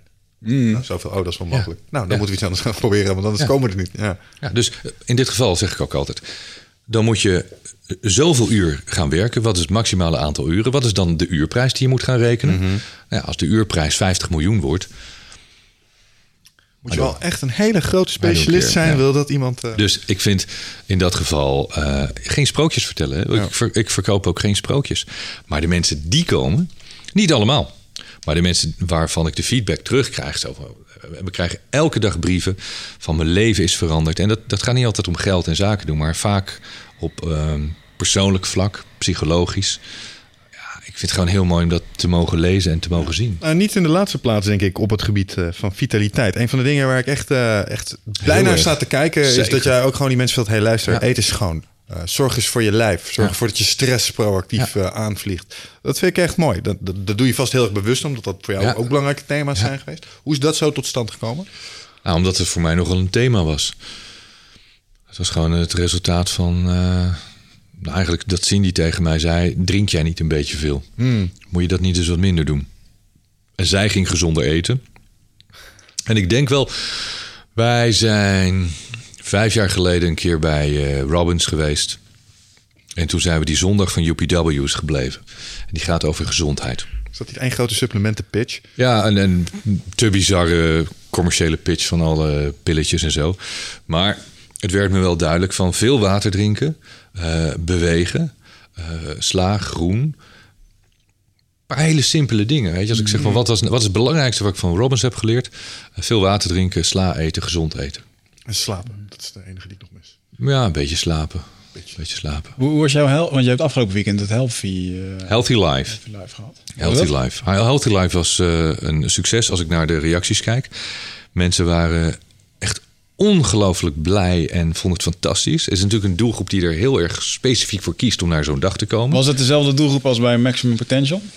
Ehm, niet de business. De business was echt, Ja, de- echt wel heel anders. ja, ja, de gewone. eh, nou, ik denk dat er waren ruim 500 mensen en ik denk dat er wel zo'n 200 waren die in maart bij Maximum Potential waren. Het is een hele mooie aanvulling. er waren ook mensen, eh, en ook van ons team, die zeiden... ja, eigenlijk is dit de derde dag voor Maximum Potential. We hebben een tweedaags programma. Dit zou een prachtige derde dag zijn... of integreer het in het programma. Alleen, wij denken dat Nederland niet klaar is voor een, een driedaags event. Want drie dagen betekent drie dagen van je tijd. Eh, en, en wat heel veel mensen niet zien is, is natuurlijk, het wordt allemaal duurder. je, moet, je moet die locatie een dag extra huren. Al die lampen, die hele show die daar hangt, die 20 man personeel die daar loopt, de catering, een dag extra eten. Al die kosten moet je doorberekenen. Dus hè, zonder dat je daar zelf een euro rijker van wordt, wordt dat kaartje veel duurder. En wij hebben wel ontdekt, want ook, ook dit, het kaartje voor, eh, voor Healthy Life was, was relatief waarschijnlijk duur voor een dag. Maar ja, er zat een hele gezonde lunch bij en een gezond eten. Het was, het was een relatief duur programma om te maken die dag. Dan zie je dat mensen snel zeggen van ja, maar het is wel een hoop geld. Ja, dat is zeker geen dag waarop je kan eh, besparen op de lunchkosten door kan broodjes er neer te leggen. maar dat weet gaat wel. niet. Weet je, en, en, en dat willen we sowieso nooit. Dus, dus catering is bij ons altijd wel een big issue. We willen heel goed eten. Het moet allemaal goed georganiseerd zijn. Ja, alles kost een beetje geld. Maar het is een essentieel onderdeel van dat geheel. Ja. En dat merkten we zeker met, met die 250 ondernemers tijdens de business. Daar zaten jongens bij. Ik was verbaasd. Want ehm, de, degene die het meeste omzette had boven de 100 miljoen. Ik dacht van wauw, dan hè, wil niet zeggen dat je winst maakt. Dat deed hij dan weer wel. Maar er zaten grote ondernemers tussen. En dan zie je vaak dat een aantal van die gasten weten heel goed wat ze aan het doen zijn. Ook dus jullie die zijn bezig met de gezondheid, met hun lijf. Maar bij een paar waarvan ik zag van, nou ja, jij doet wel 40 miljoen omzet, maar je bent ook wel 40 kilo te zwaar. En dat is wel een dingetje waar jij mee bezig moet gaan. Want je ziet dat jouw persoonlijkheid wordt minder prettig. En dit is een uiting daarvan. Ah, je bent eh, bot in de manier hoe je communiceert. Je, je bent wel misschien goed in, in wat je doet, maar het kan beter en vooral naar jezelf beter. Want het feit dat jij 10, 20, 30, 40 kilo te zwaar bent, heeft een andere reden dan alleen maar te veel eten. Het te veel eten, dat had ik ook. Absoluut, het is logisch. Altijd het directe gevolg van te veel eten, te veel drinken. Maar er is altijd een emotionele component. Dat hebben we tijdens Healthy Life heel duidelijk gedaan. Van hoe ziet de verbinding eruit tussen jouw emoties en je organen? En je zag bij al die mensen zo van: wow, dus ja, ik heb iets op mijn lever, ik heb iets op mijn darm, weet je, ik heb last van mijn hart. Het is allemaal het gevolg van emoties. Een cumulatieve opeenstapeling, verzameling van emotionele problemen in dat systeem, die in elke cel van je lichaam zit, die zich gaat uiten in een bepaald orgaan. En om je, je lichaam wil die organen vitaal houden om jou te laten overleven. Dus gaat het trekken aan banden en krijg je problemen vaak met onderrug. Krijg je problemen met je rug, met je nek, met je schouders. Maar dat is niet het primaire probleem. Het is een gevolg van een probleem vanuit een van de organen. Bijna altijd. Nou, dit is natuurlijk heel interessant. Het is niet mijn eh, expertise. Daarom hadden we ook twee experts op dat vakgebied die daarover konden vertellen. Ja, Richard volgens mij toch? Richard Let, ja, Ja, die is hier geweest. geweest, ja. Richard weet zoveel Ik als ben het afgelopen maandag met eh, het hele gezin naar Richard geweest. Nou, geweldig toch? die Ah, naar aanleiding van de podcast was echt onder indruk van wat hij allemaal zei. Ik denk, eh, ik, weet je, ik ga gewoon een keer een privé Ma- machtig En, verhaal wat die man heeft. Ja, bizar. Machtig. En ook hoe dat hij lekker in zijn praktijk... eh, hij heeft Ja. officieel geen praktijk meer, maar hij behandelt nog wel mensen af en toe. Als je aardig vindt. En, Ja, En, eh, Ja, en nee, dit is dus leuk, want wa- wat zie je dat er gebeurt? En dat doen jullie natuurlijk heel goed. Je verzamelt mensen om je heen die allemaal iets zo goed weten, daar kun je iets van leren. Dat doen jullie zo slim. En Ferris doet het ook heel slim, die nodigt mensen uit en je slaat het op en je, ja, die kennis die wordt onderdeel van jou. Ja. Dat is belangrijk. De mensen om je heen bepalen jouw kwaliteit van leven uiteindelijk. Waarom vinden die high potential mensen, die, die, die go-getters, het altijd... Ze lijken de meest egoïstische mensen, maar ze kiezen zo slecht voor zichzelf vaak. Wat is dat? Dus ze, ze spreken allemaal roofbouw op een of andere manier, lijkt het wel. Nou, soms is dat natuurlijk wel. ehm, je vindt het werk zo leuk dat je veel gaat werken. Ik merk het ook hoor. Wel. Ja, wij moeten af en toe ook wel midden in de nacht zeggen: Nou, nu stoppen we. Weet je? Dus mooi geweest, ja. Kijken we elkaar aan en is het van. eh, het is een beetje het, het enige nadeel misschien van met elkaar werken en, en dat thuis kunnen doen. Dat, ja, dat je zegt van nou, vanavond stoppen we echt om half twaalf. Of eh, nou, het gebeurt echt dat wij om half tien, tien uur, half elf uit eten gaan. Nou, dan zeggen we, nou, daarna dan, eh, gaan we niet meer werken. Kom je thuis, is het twaalf uur, half één. Ja, even, even je laptop aan. Even, Even de laptop oh, oh, ja. Nou, oh, nou, oh, ja. En voor je het weet is het half drie. Of in de zomer zie ik het vaak licht worden. En dan, ja. Jij bent echt een nachtbraker, hè? Nou, ik probeer nu wel steeds meer eh, de ochtend mee te pakken. dat probeert hij wel. Ochtends wakker te zijn. Dat probeert Of, hij eh, wel. Nou, Of te slapen in de ochtend. wij, eh, wij logeren nu bij vrienden. Dat is hartstikke leuk. En die hebben een heel mooi boerderij, landhuis. En dan hebben we een heel prachtig uitzicht waar we, waar we slapen in zo'n bijgebouw. En wij doen nooit de gordijnen dicht, want dan word je wakker op het buitenlicht. Dat is altijd heel fijn. Als je de gordijnen dicht doet, dan blijf je veel te lang liggen. Dus nu de hele week al om tien voor zes word ik automatisch wakker.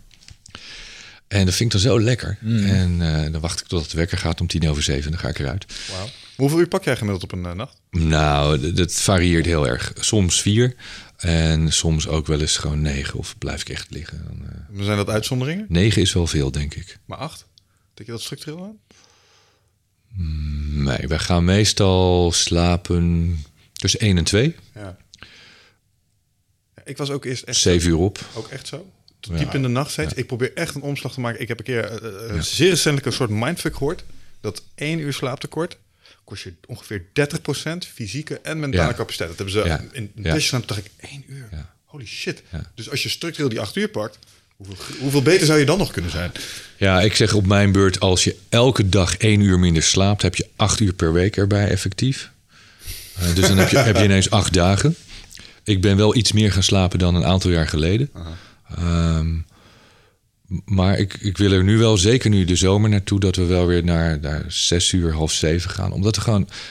Ik vind zeker in de zomer, als het vroeg licht is, de ochtend is het mooiste moment van de dag. Absoluut. Mensen zeggen ook altijd, ja, de zonsondergang. Maar ik heb natuurlijk een aantal jaar met mijn boot op zee gezeten. En dan waren we aan het zeilen. En sowieso de nachten op zee zijn, zijn magisch. Het is donker. En je ziet die sterrenhemel. Die, die je alleen maar... Ik was in Australië in de Outback. Het is de enige plek op aarde, op land, waar ik het zo gezien heb. Op zee is het prachtig. En dan langzaam zie je die overgang van nacht naar dag komen. En dan die, die verandering van kleur in de lucht, in die, in die horizon, in het water. Dat is zo mooi. Ik hoorde er laatst iets interessants over, over wat je zei over die sterrenhemel. Dat wij mensen, ik denk dat je kunt zeggen dat we minder spiritueel geworden zijn. Misschien is het wel weer een omslag. Er is minder contact met de natuur. Nou, en dat als je, als je nou eens een keer eh, één of twee dagen per jaar gewoon verplicht s'nachts overal de lampen uit zou doen. Dat mensen weer eens naar de sterren konden kijken. Mm. Dat mensen waarschijnlijk weer veel meer dat. Oh, what the fuck. Ik ken dat gevoel ook wel. In de zo achterlanden, eh, zeg maar, bij ons eh, kun je ze af en toe echt nog wel eens eh, echt de sterrenhemel zien. En dan kan je niet anders als je heel klein voelen. En als je dat nooit ziet, heb je die ervaring nooit. Dat is bijna psychedelisch, die ervaring, snap je?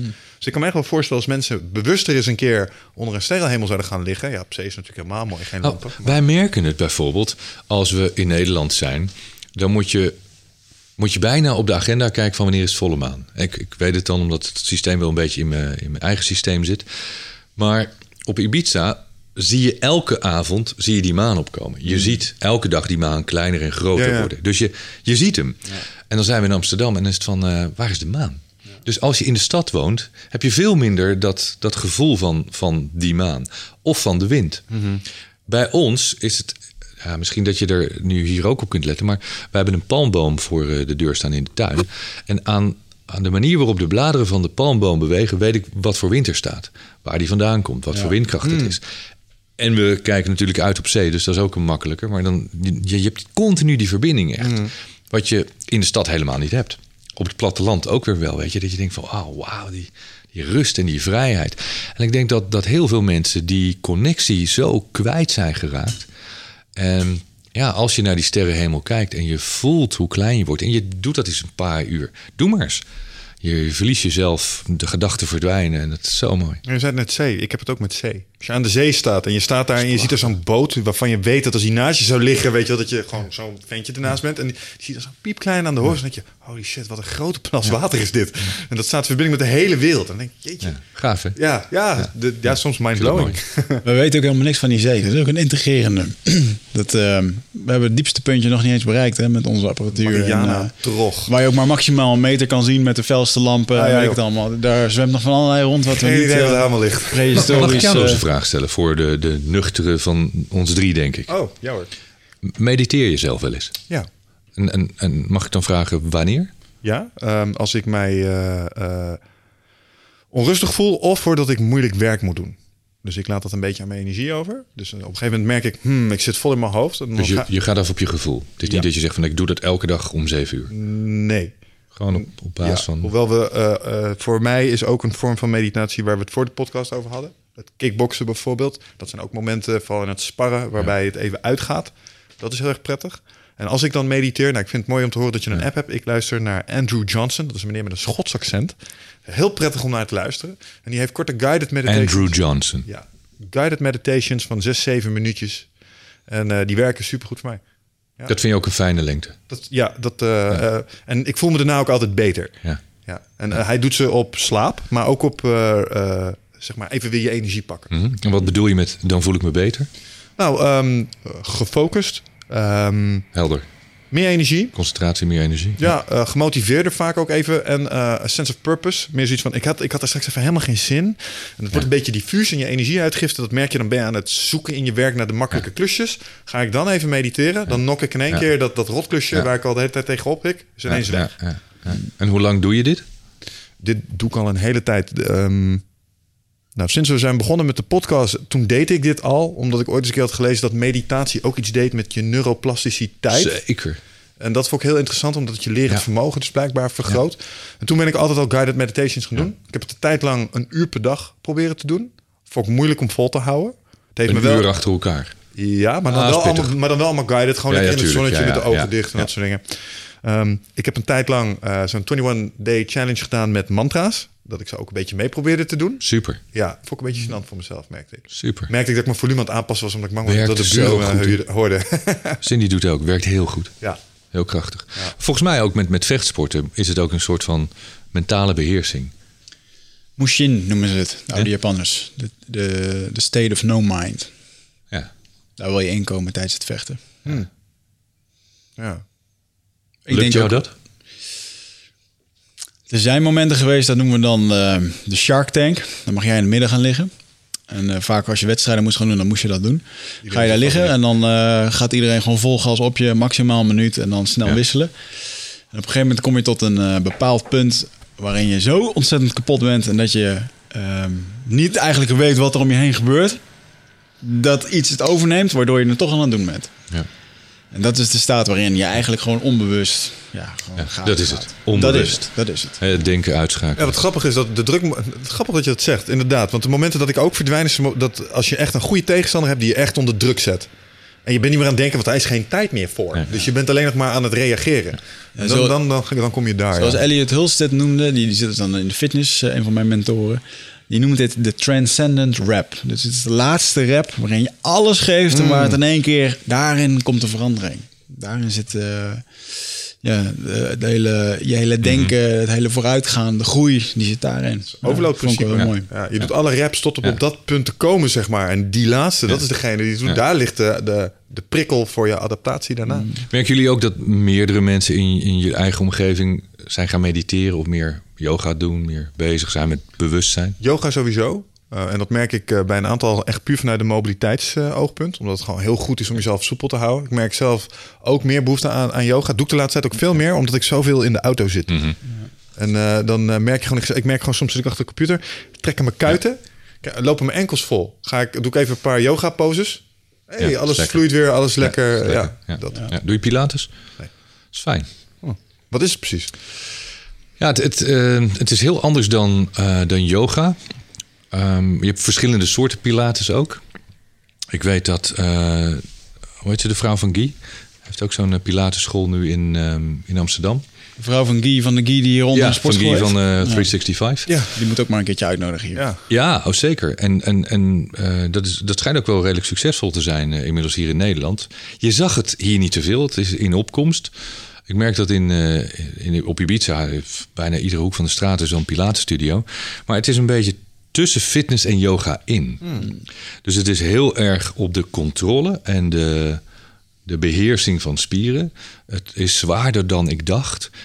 Eh, maar, maar het is geen fitness. Je staat niet aan apparaten te trekken. Maar je staat is- in één houding of zo. Isome- isometrisch trainen. je, je bent wel bezig met. Je, je ligt op een. eh, je, je hebt bepaalde apparaten. Dus het is een beetje. eh, turnen, mag ik dat zeggen? Meer richting turnen en, en statische kracht. fitness met je En, eigen lichaam. Dus Ja, je, je ligt op een bank. En, je, en je, je doet allerlei oefeningen met, met allemaal controle en zo, waardoor je jezelf naar voren trekt. En Oh. Dit soort oefeningen. Nou, als je dat een tijdje doet, dan denk je de eerste paar keer denk je, nou valt mee, maar na een tijdje. en, en die bank die kun je weer stellen met bepaalde veren. Dus die, die veerkracht kun je, kun je steeds zwaarder zetten. Ehm, je ziet het nog niet, maar het moet gaan komen. Ehm, Wat, is je doel, wat is je doel dan? Wil, je voor mij, spiermassa voor mij is het eh? voornamelijk eh eh souplesse. Souplesse, ja. spierbeheersing. Ehm, en uiteindelijk is het ook wel een beetje, een beetje kracht die, je- ja, ja, dat is een beetje, die buik moet eraf. Nee, maar Starting ik- strength, ik jongen. wil er op het podium zo uitzien zoals jullie. Hmm. En dat betekent dat ik, eh, ik moet compenseren door minder te eten, gezonder te eten, eh, minder te drinken. En dat vind ik allemaal helemaal prima. Ja. Dan moet ik ook wel meer bewegen aan die andere kant. Mijn tip daar zou zijn, raak verslaafd aan, eh, aan sterk zijn. Sterk zijn. Ja, Je kan, je kan, eh, als je er goed uit wil zien in je boxshort, kun je voor hypertrofie trainen. Oh, Dan krijg je mooie bolle spieren. Ja. Dat ziet er vaak heel goed uit, maar nou ja, dat, dat verzuurt ook snel als je functie moet Ja. eh, leveren. Als je gaat trainen voor heel sterk zijn, bijvoorbeeld deadliften of squats, waarbij je zwaar gewicht eh, gaat verplaatsen, ehm, dan krijg je wel een iets ander lichaamstype, maar je hebt nog steeds het resultaat wat je wil en je bent nog eens heel erg sterk erbij. Nou, het is voor mij vooral belangrijk dat mijn buikspieren heel sterk zijn. Omdat ik, ik had die rugproblemen, die hernia's. Ehm, dus ik moet altijd daaraan werken dat ik gewoon... Bij, als ik dit doe, dan span ik mijn buikspieren aan. Ja. Eigenlijk doe ik dat de hele dag nu. Waardoor mijn rug wordt ontzien en ik geen last meer heb. Krachttraining. Anyway. Ehm, Ah, niet onbelangrijk, denk ik. En ik vind het ook Zeker, mooi dat je in ja. je, eh, nogmaals, want we kwamen hier volgens mij Ja, dat je- gezondheid. ja, dat je, Ja. Dat, dat je daar, daar Ja. actionable knowledge, zeg maar, dat mensen kennis krijgen waar ze iets mee kunnen. Want iedereen Ja. kent het wel, ja, je moet gezonder eten. Ja, maar hoe dan? Ja, maar dat is hetzelfde als persoonlijke ontwikkeling. Feitelijk, wa- wat ik roep is niet nieuw. Ehm, want als je teruggaat... Natuurlijk zeggen mensen ook wel eens... Ja, je roept precies wat eh, Tony Robbins roept. Ik zeg, nou ja, sommige dingen wel. Ik roep ook dingen die Sri Sri eh, Ravi Shankar eh, roept. Ik roep dingen die Dan Peña roept. Zij roepen dingen die Jim Rohn heeft geroepen. En die daarvoor, weet je... Dus ja, We zijn, allemaal, we zijn allemaal copycats. Je moet wel Nee, kopiëren. je geeft het door. Het is niet copycats. Ja, eh, weet je, ga naar de kerk, eh, ga naar het boeddhisme, ga naar het Taoïsme. Iedereen geeft een bepaalde boodschap door. En ik zie me ook niet anders dan, dan het doorgeven van een boodschap. Ik ben de boodschap. Weet je hoe ze dat in het softwareland noemen? Open source. Open source, ja. Het is gewoon het Ja. ontwikkelen van bestaande raamwerken. En we doen niet meer als raamwerken doorgeven, incrementeel verbeteren. Want dat wat Think and Grow Rich schreef voor die tijd... is nog steeds relevant, maar is onderhevig aan revisie... gelet op wat er tegenwoordig allemaal in de wereld speelt. Dus zo verbeter je incrementeel door. Natuurlijk zijn het dezelfde principes. Zijn er nog vragen? Zijn er nog vragen? Wil, wil je naar huis, Michael? Nee, zeker niet. Mijn doel was om dit de langste eindbazen podcast ever te maken. Hoeveel minuten zitten we? Uh, wat ik zo nu kan zien, uh, naderen we de twee uur. Dus dat gaat uh, redelijk snel. Dan, moeten we, nog, echt voorbij. dan moeten we nog een half uurtje kletsen. Ja. Dat gaat wel lukken. Gaat dat lukken? Makkelijk. Oh, zeker, zeker. Wat ik, ik ben ehm, dan heel benieuwd wie dit allemaal volhoudt om te luisteren zo lang. Heel veel mensen. ik zo Zou ik zeggen dat er Dat nog steeds heel veel mensen eh, jouw podcast... Als op jou, eh, uiteraard als op jouw evenementen zijn, dan zeggen ze... hey, tof, die podcast die hebben we gezien. Leuk hè? En wat jij al zei, in de top 5, wat nog steeds circuleert...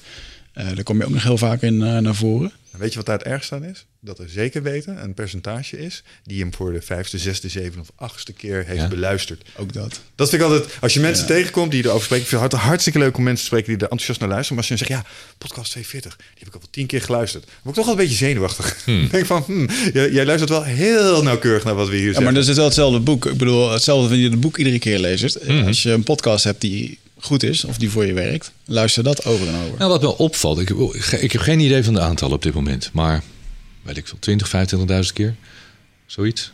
Ehm, ik deed met Patrick Kikker ook een gesprek, waarvan het was ook zo'n lang gesprek dat ik dacht van, goh, was interessant. Ik, ik ging dingen vertellen die ik nog nooit had verteld, althans niet zo aan het publiek. En ik geloof ook iets van 35 of 40.000 keer werd dat ding beluisterd. Ik dacht van, wauw, interessant. Waar heel veel mensen ook zeiden, ik heb hem een paar keer beluisterd. Misschien ook omdat het lang is of omdat het eh, ingewikkelde materie is. Maar omgekeerd krijgen wij heel vaak, vooral jonge gasten. Ik merk dat de, de doelgroep 18, 25, max 30, heel veel. "Ah, ik heb je voor het eerst gehoord via eindbazen. Weet je? Jij, jij bent van eindbazen, daar, daar ken ik je van. Lachen. En, ja, en daarvoor wisten ze eigenlijk helemaal niet wat ik had gedaan. En dat vind ik wel fijn. Weet je, dan ben je neutraal. Ja. Dan zeg je, "Oh, ik heb jou in eindbazen gehoord en toen ben ik eens gaan kijken. Interessant wat jij doet. En niet van, oh, maar jij deed vroeger iets bij de radio. Weet je, denk ik ook van. Dat weet die generatie al niet. Toch-. Nee, gelukkig niet. Nee, nee, Toch nee. heb ik nog wel eens een idee dat we met, eh, met het podcasten met iTunes... Het, het- dat vind ik een beetje jammer in iTunes. Het mist wat met de interactie met het publiek. Op de paar reviews na die je krijgt. Maar jij had de radio waar je kon zeggen, je kan nu bellen. Dan Ja. weet ik dat dat de eerste keer bij 538 Ja, dat er niet gebeld werd. goed. Maar normaliter... Ik heb vaak in de auto gezeten van, oh ja, het geluid. Jullie weet je. kunnen toch, want ik overweeg het ook. Wij, wij doen regelmatig die Q&A's, dat mensen vragen kunnen stellen. Mhm. We selecteren dan een aantal vragen waarvan we denken die zijn boeiend, die gaan we behandelen. Eh, maar een volgende stap is dat we zeggen, je kunt inbellen.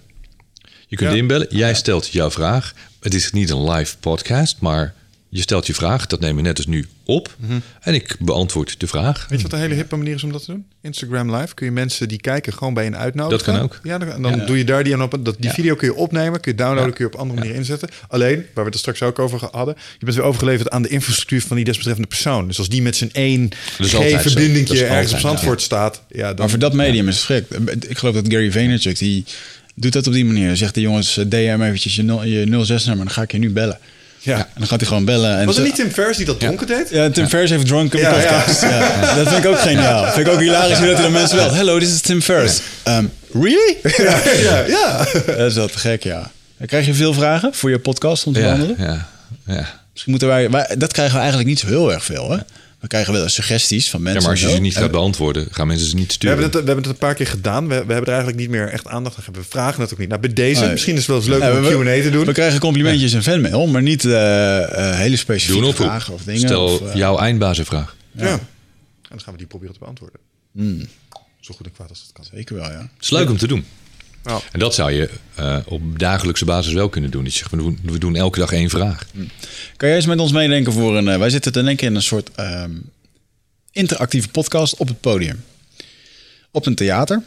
Om daar eh, een ander soort evenement, niet zo groot als de eindbasisshow... maar een, een live podcast in het theater... waarbij we verschillende gasten over een bepaald thema met elkaar... Zoals nu, maar dan live in het theater. Ja, met publiek erbij. En dat we dan gasten erbij. Want wat heel erg leuk was bij onze eindbasisshow... was de Q&A met het publiek.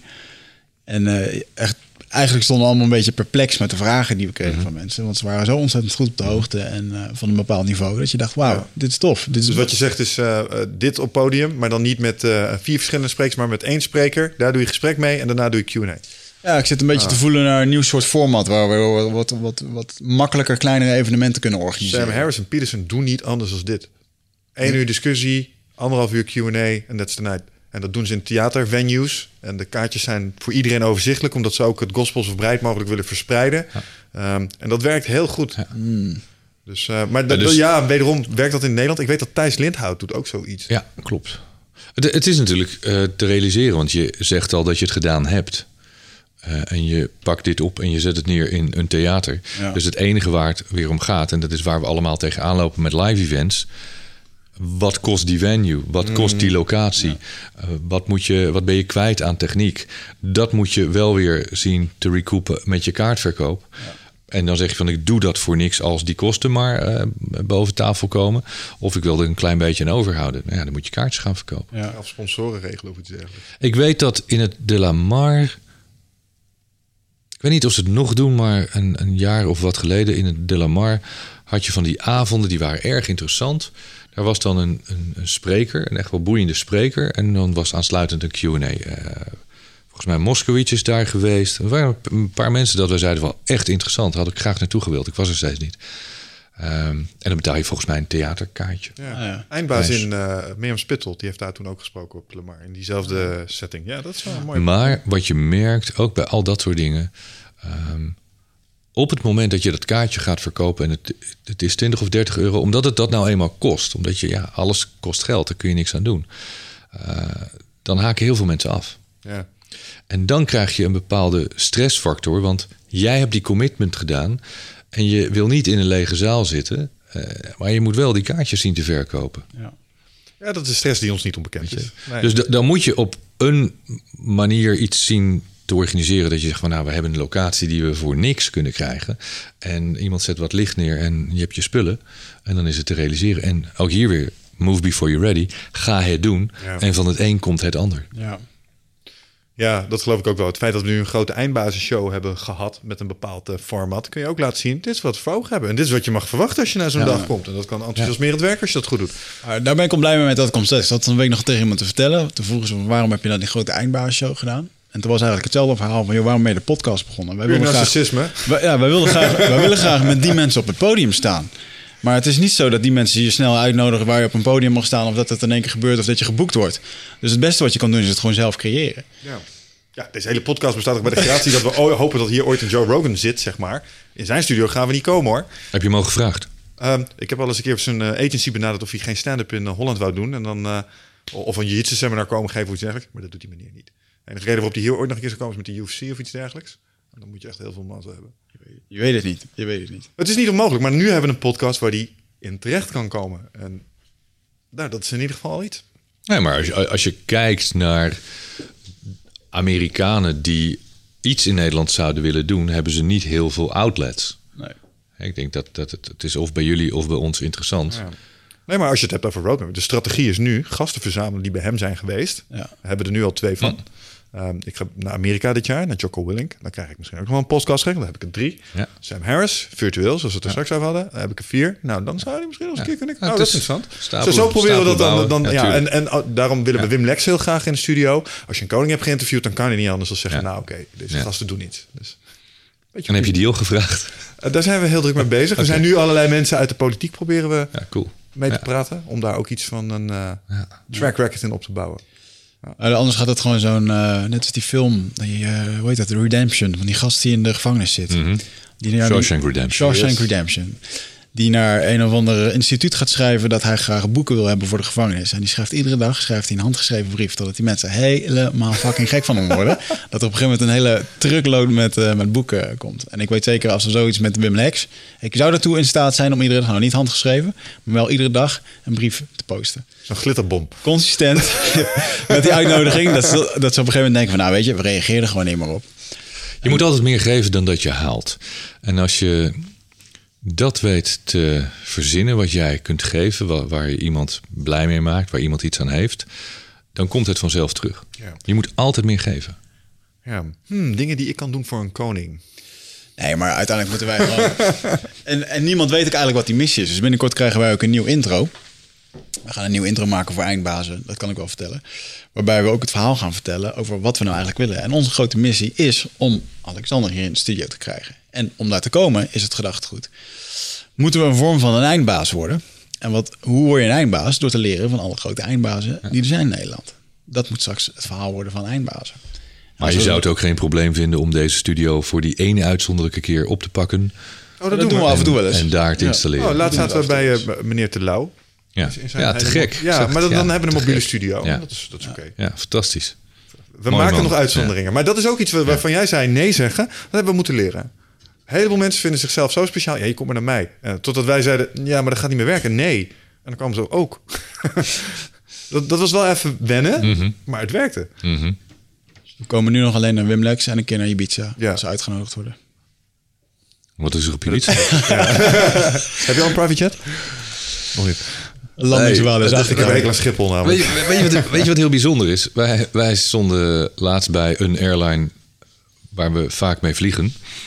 En dan worden we wel eens aangesproken door mensen die zeggen... Nou, ik dacht dat jullie wel je eigen jet hadden. Dat dacht ik ook overigens. maar wij zaten op weg deze week, op weg hier naartoe, zaten we eh, naast Leeuw Kleine.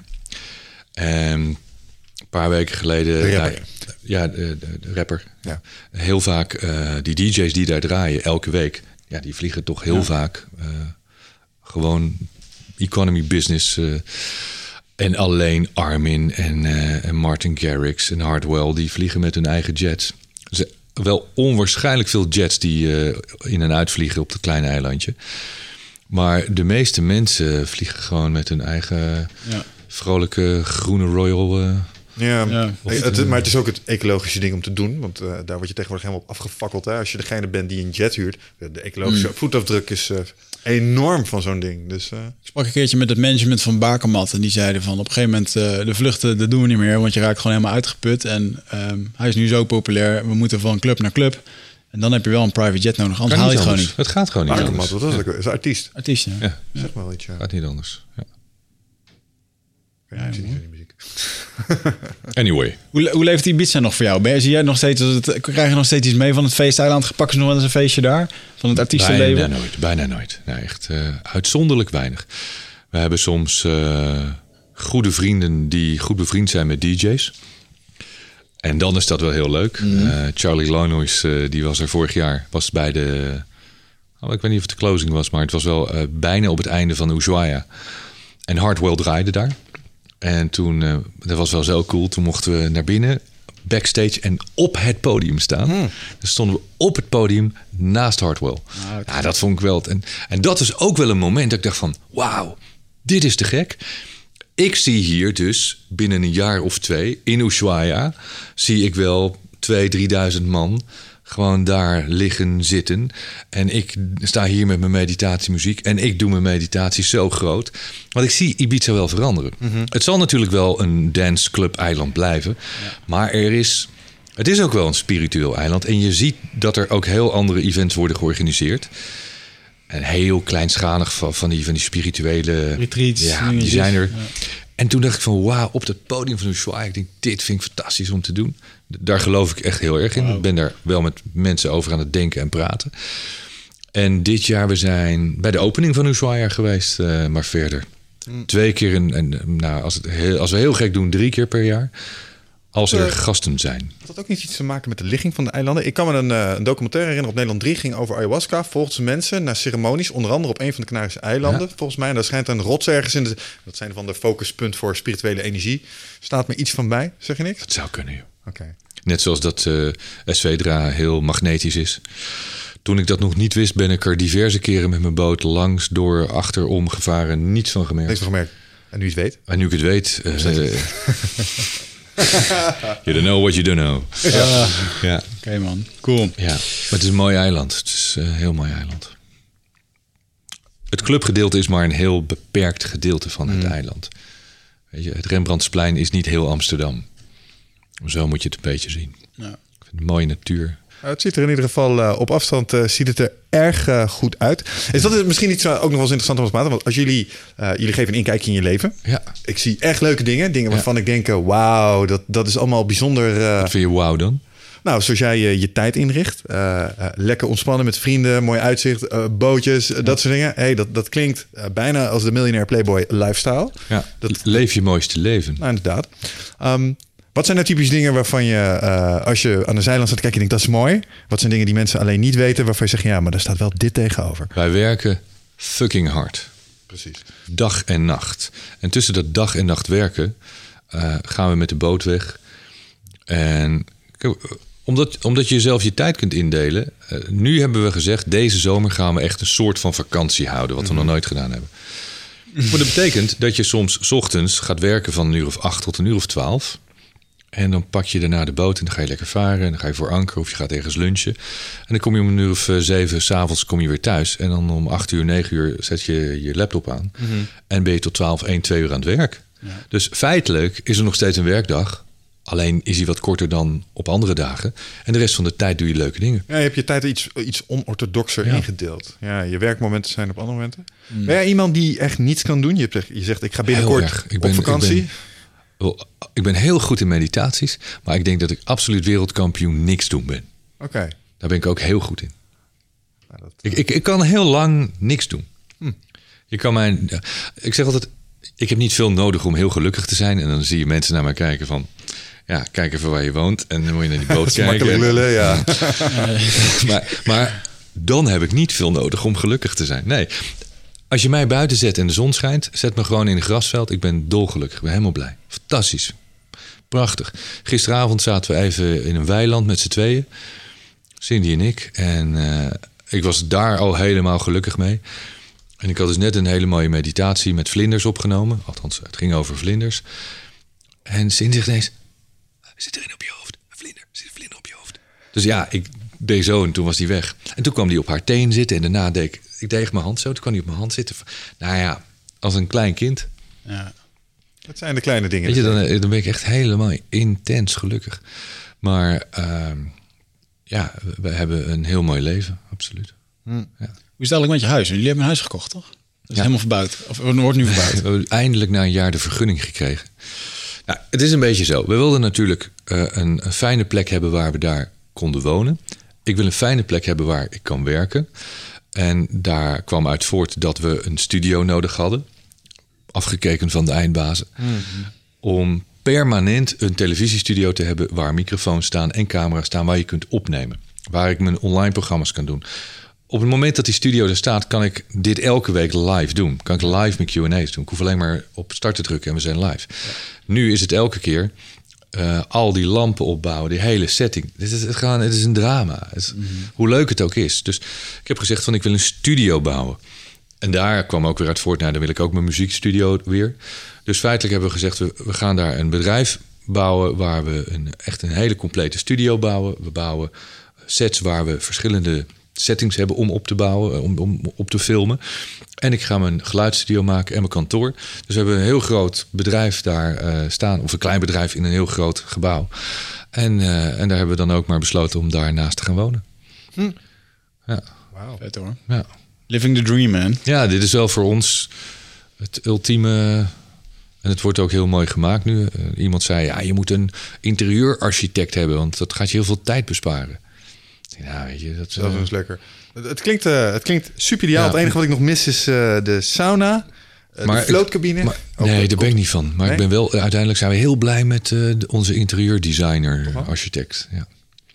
Oh, ik dacht dat, het, dat de clue van het verhaal was dat het Nee, ook zelf nee. was. Maar je had hem echt Nee, nodig, ik, ik, begrijp ik, ik. ik- Ja. En helemaal gek van, want we, we hebben al heel veel bekeken en uitgezocht. En Dit is ook een specialisme. En toen dacht ik van, nou ja, dan moet je gewoon de beste hebben op zijn vakgebied. Dus dat hebben we gedaan. Ja, oké. En dat was even stroop om, om wat vergunningen voor elkaar te krijgen. Al Erik, daar. nee, eh, nee, dat is een hoop gedoe. Dat, Erik, eh, ja? Ja, Erik. Ah, Oké. Erik is zo goed. Hij is, hij is echt de beste. Hij zegt, ik, ja, weet je, dat vind ik. Hè.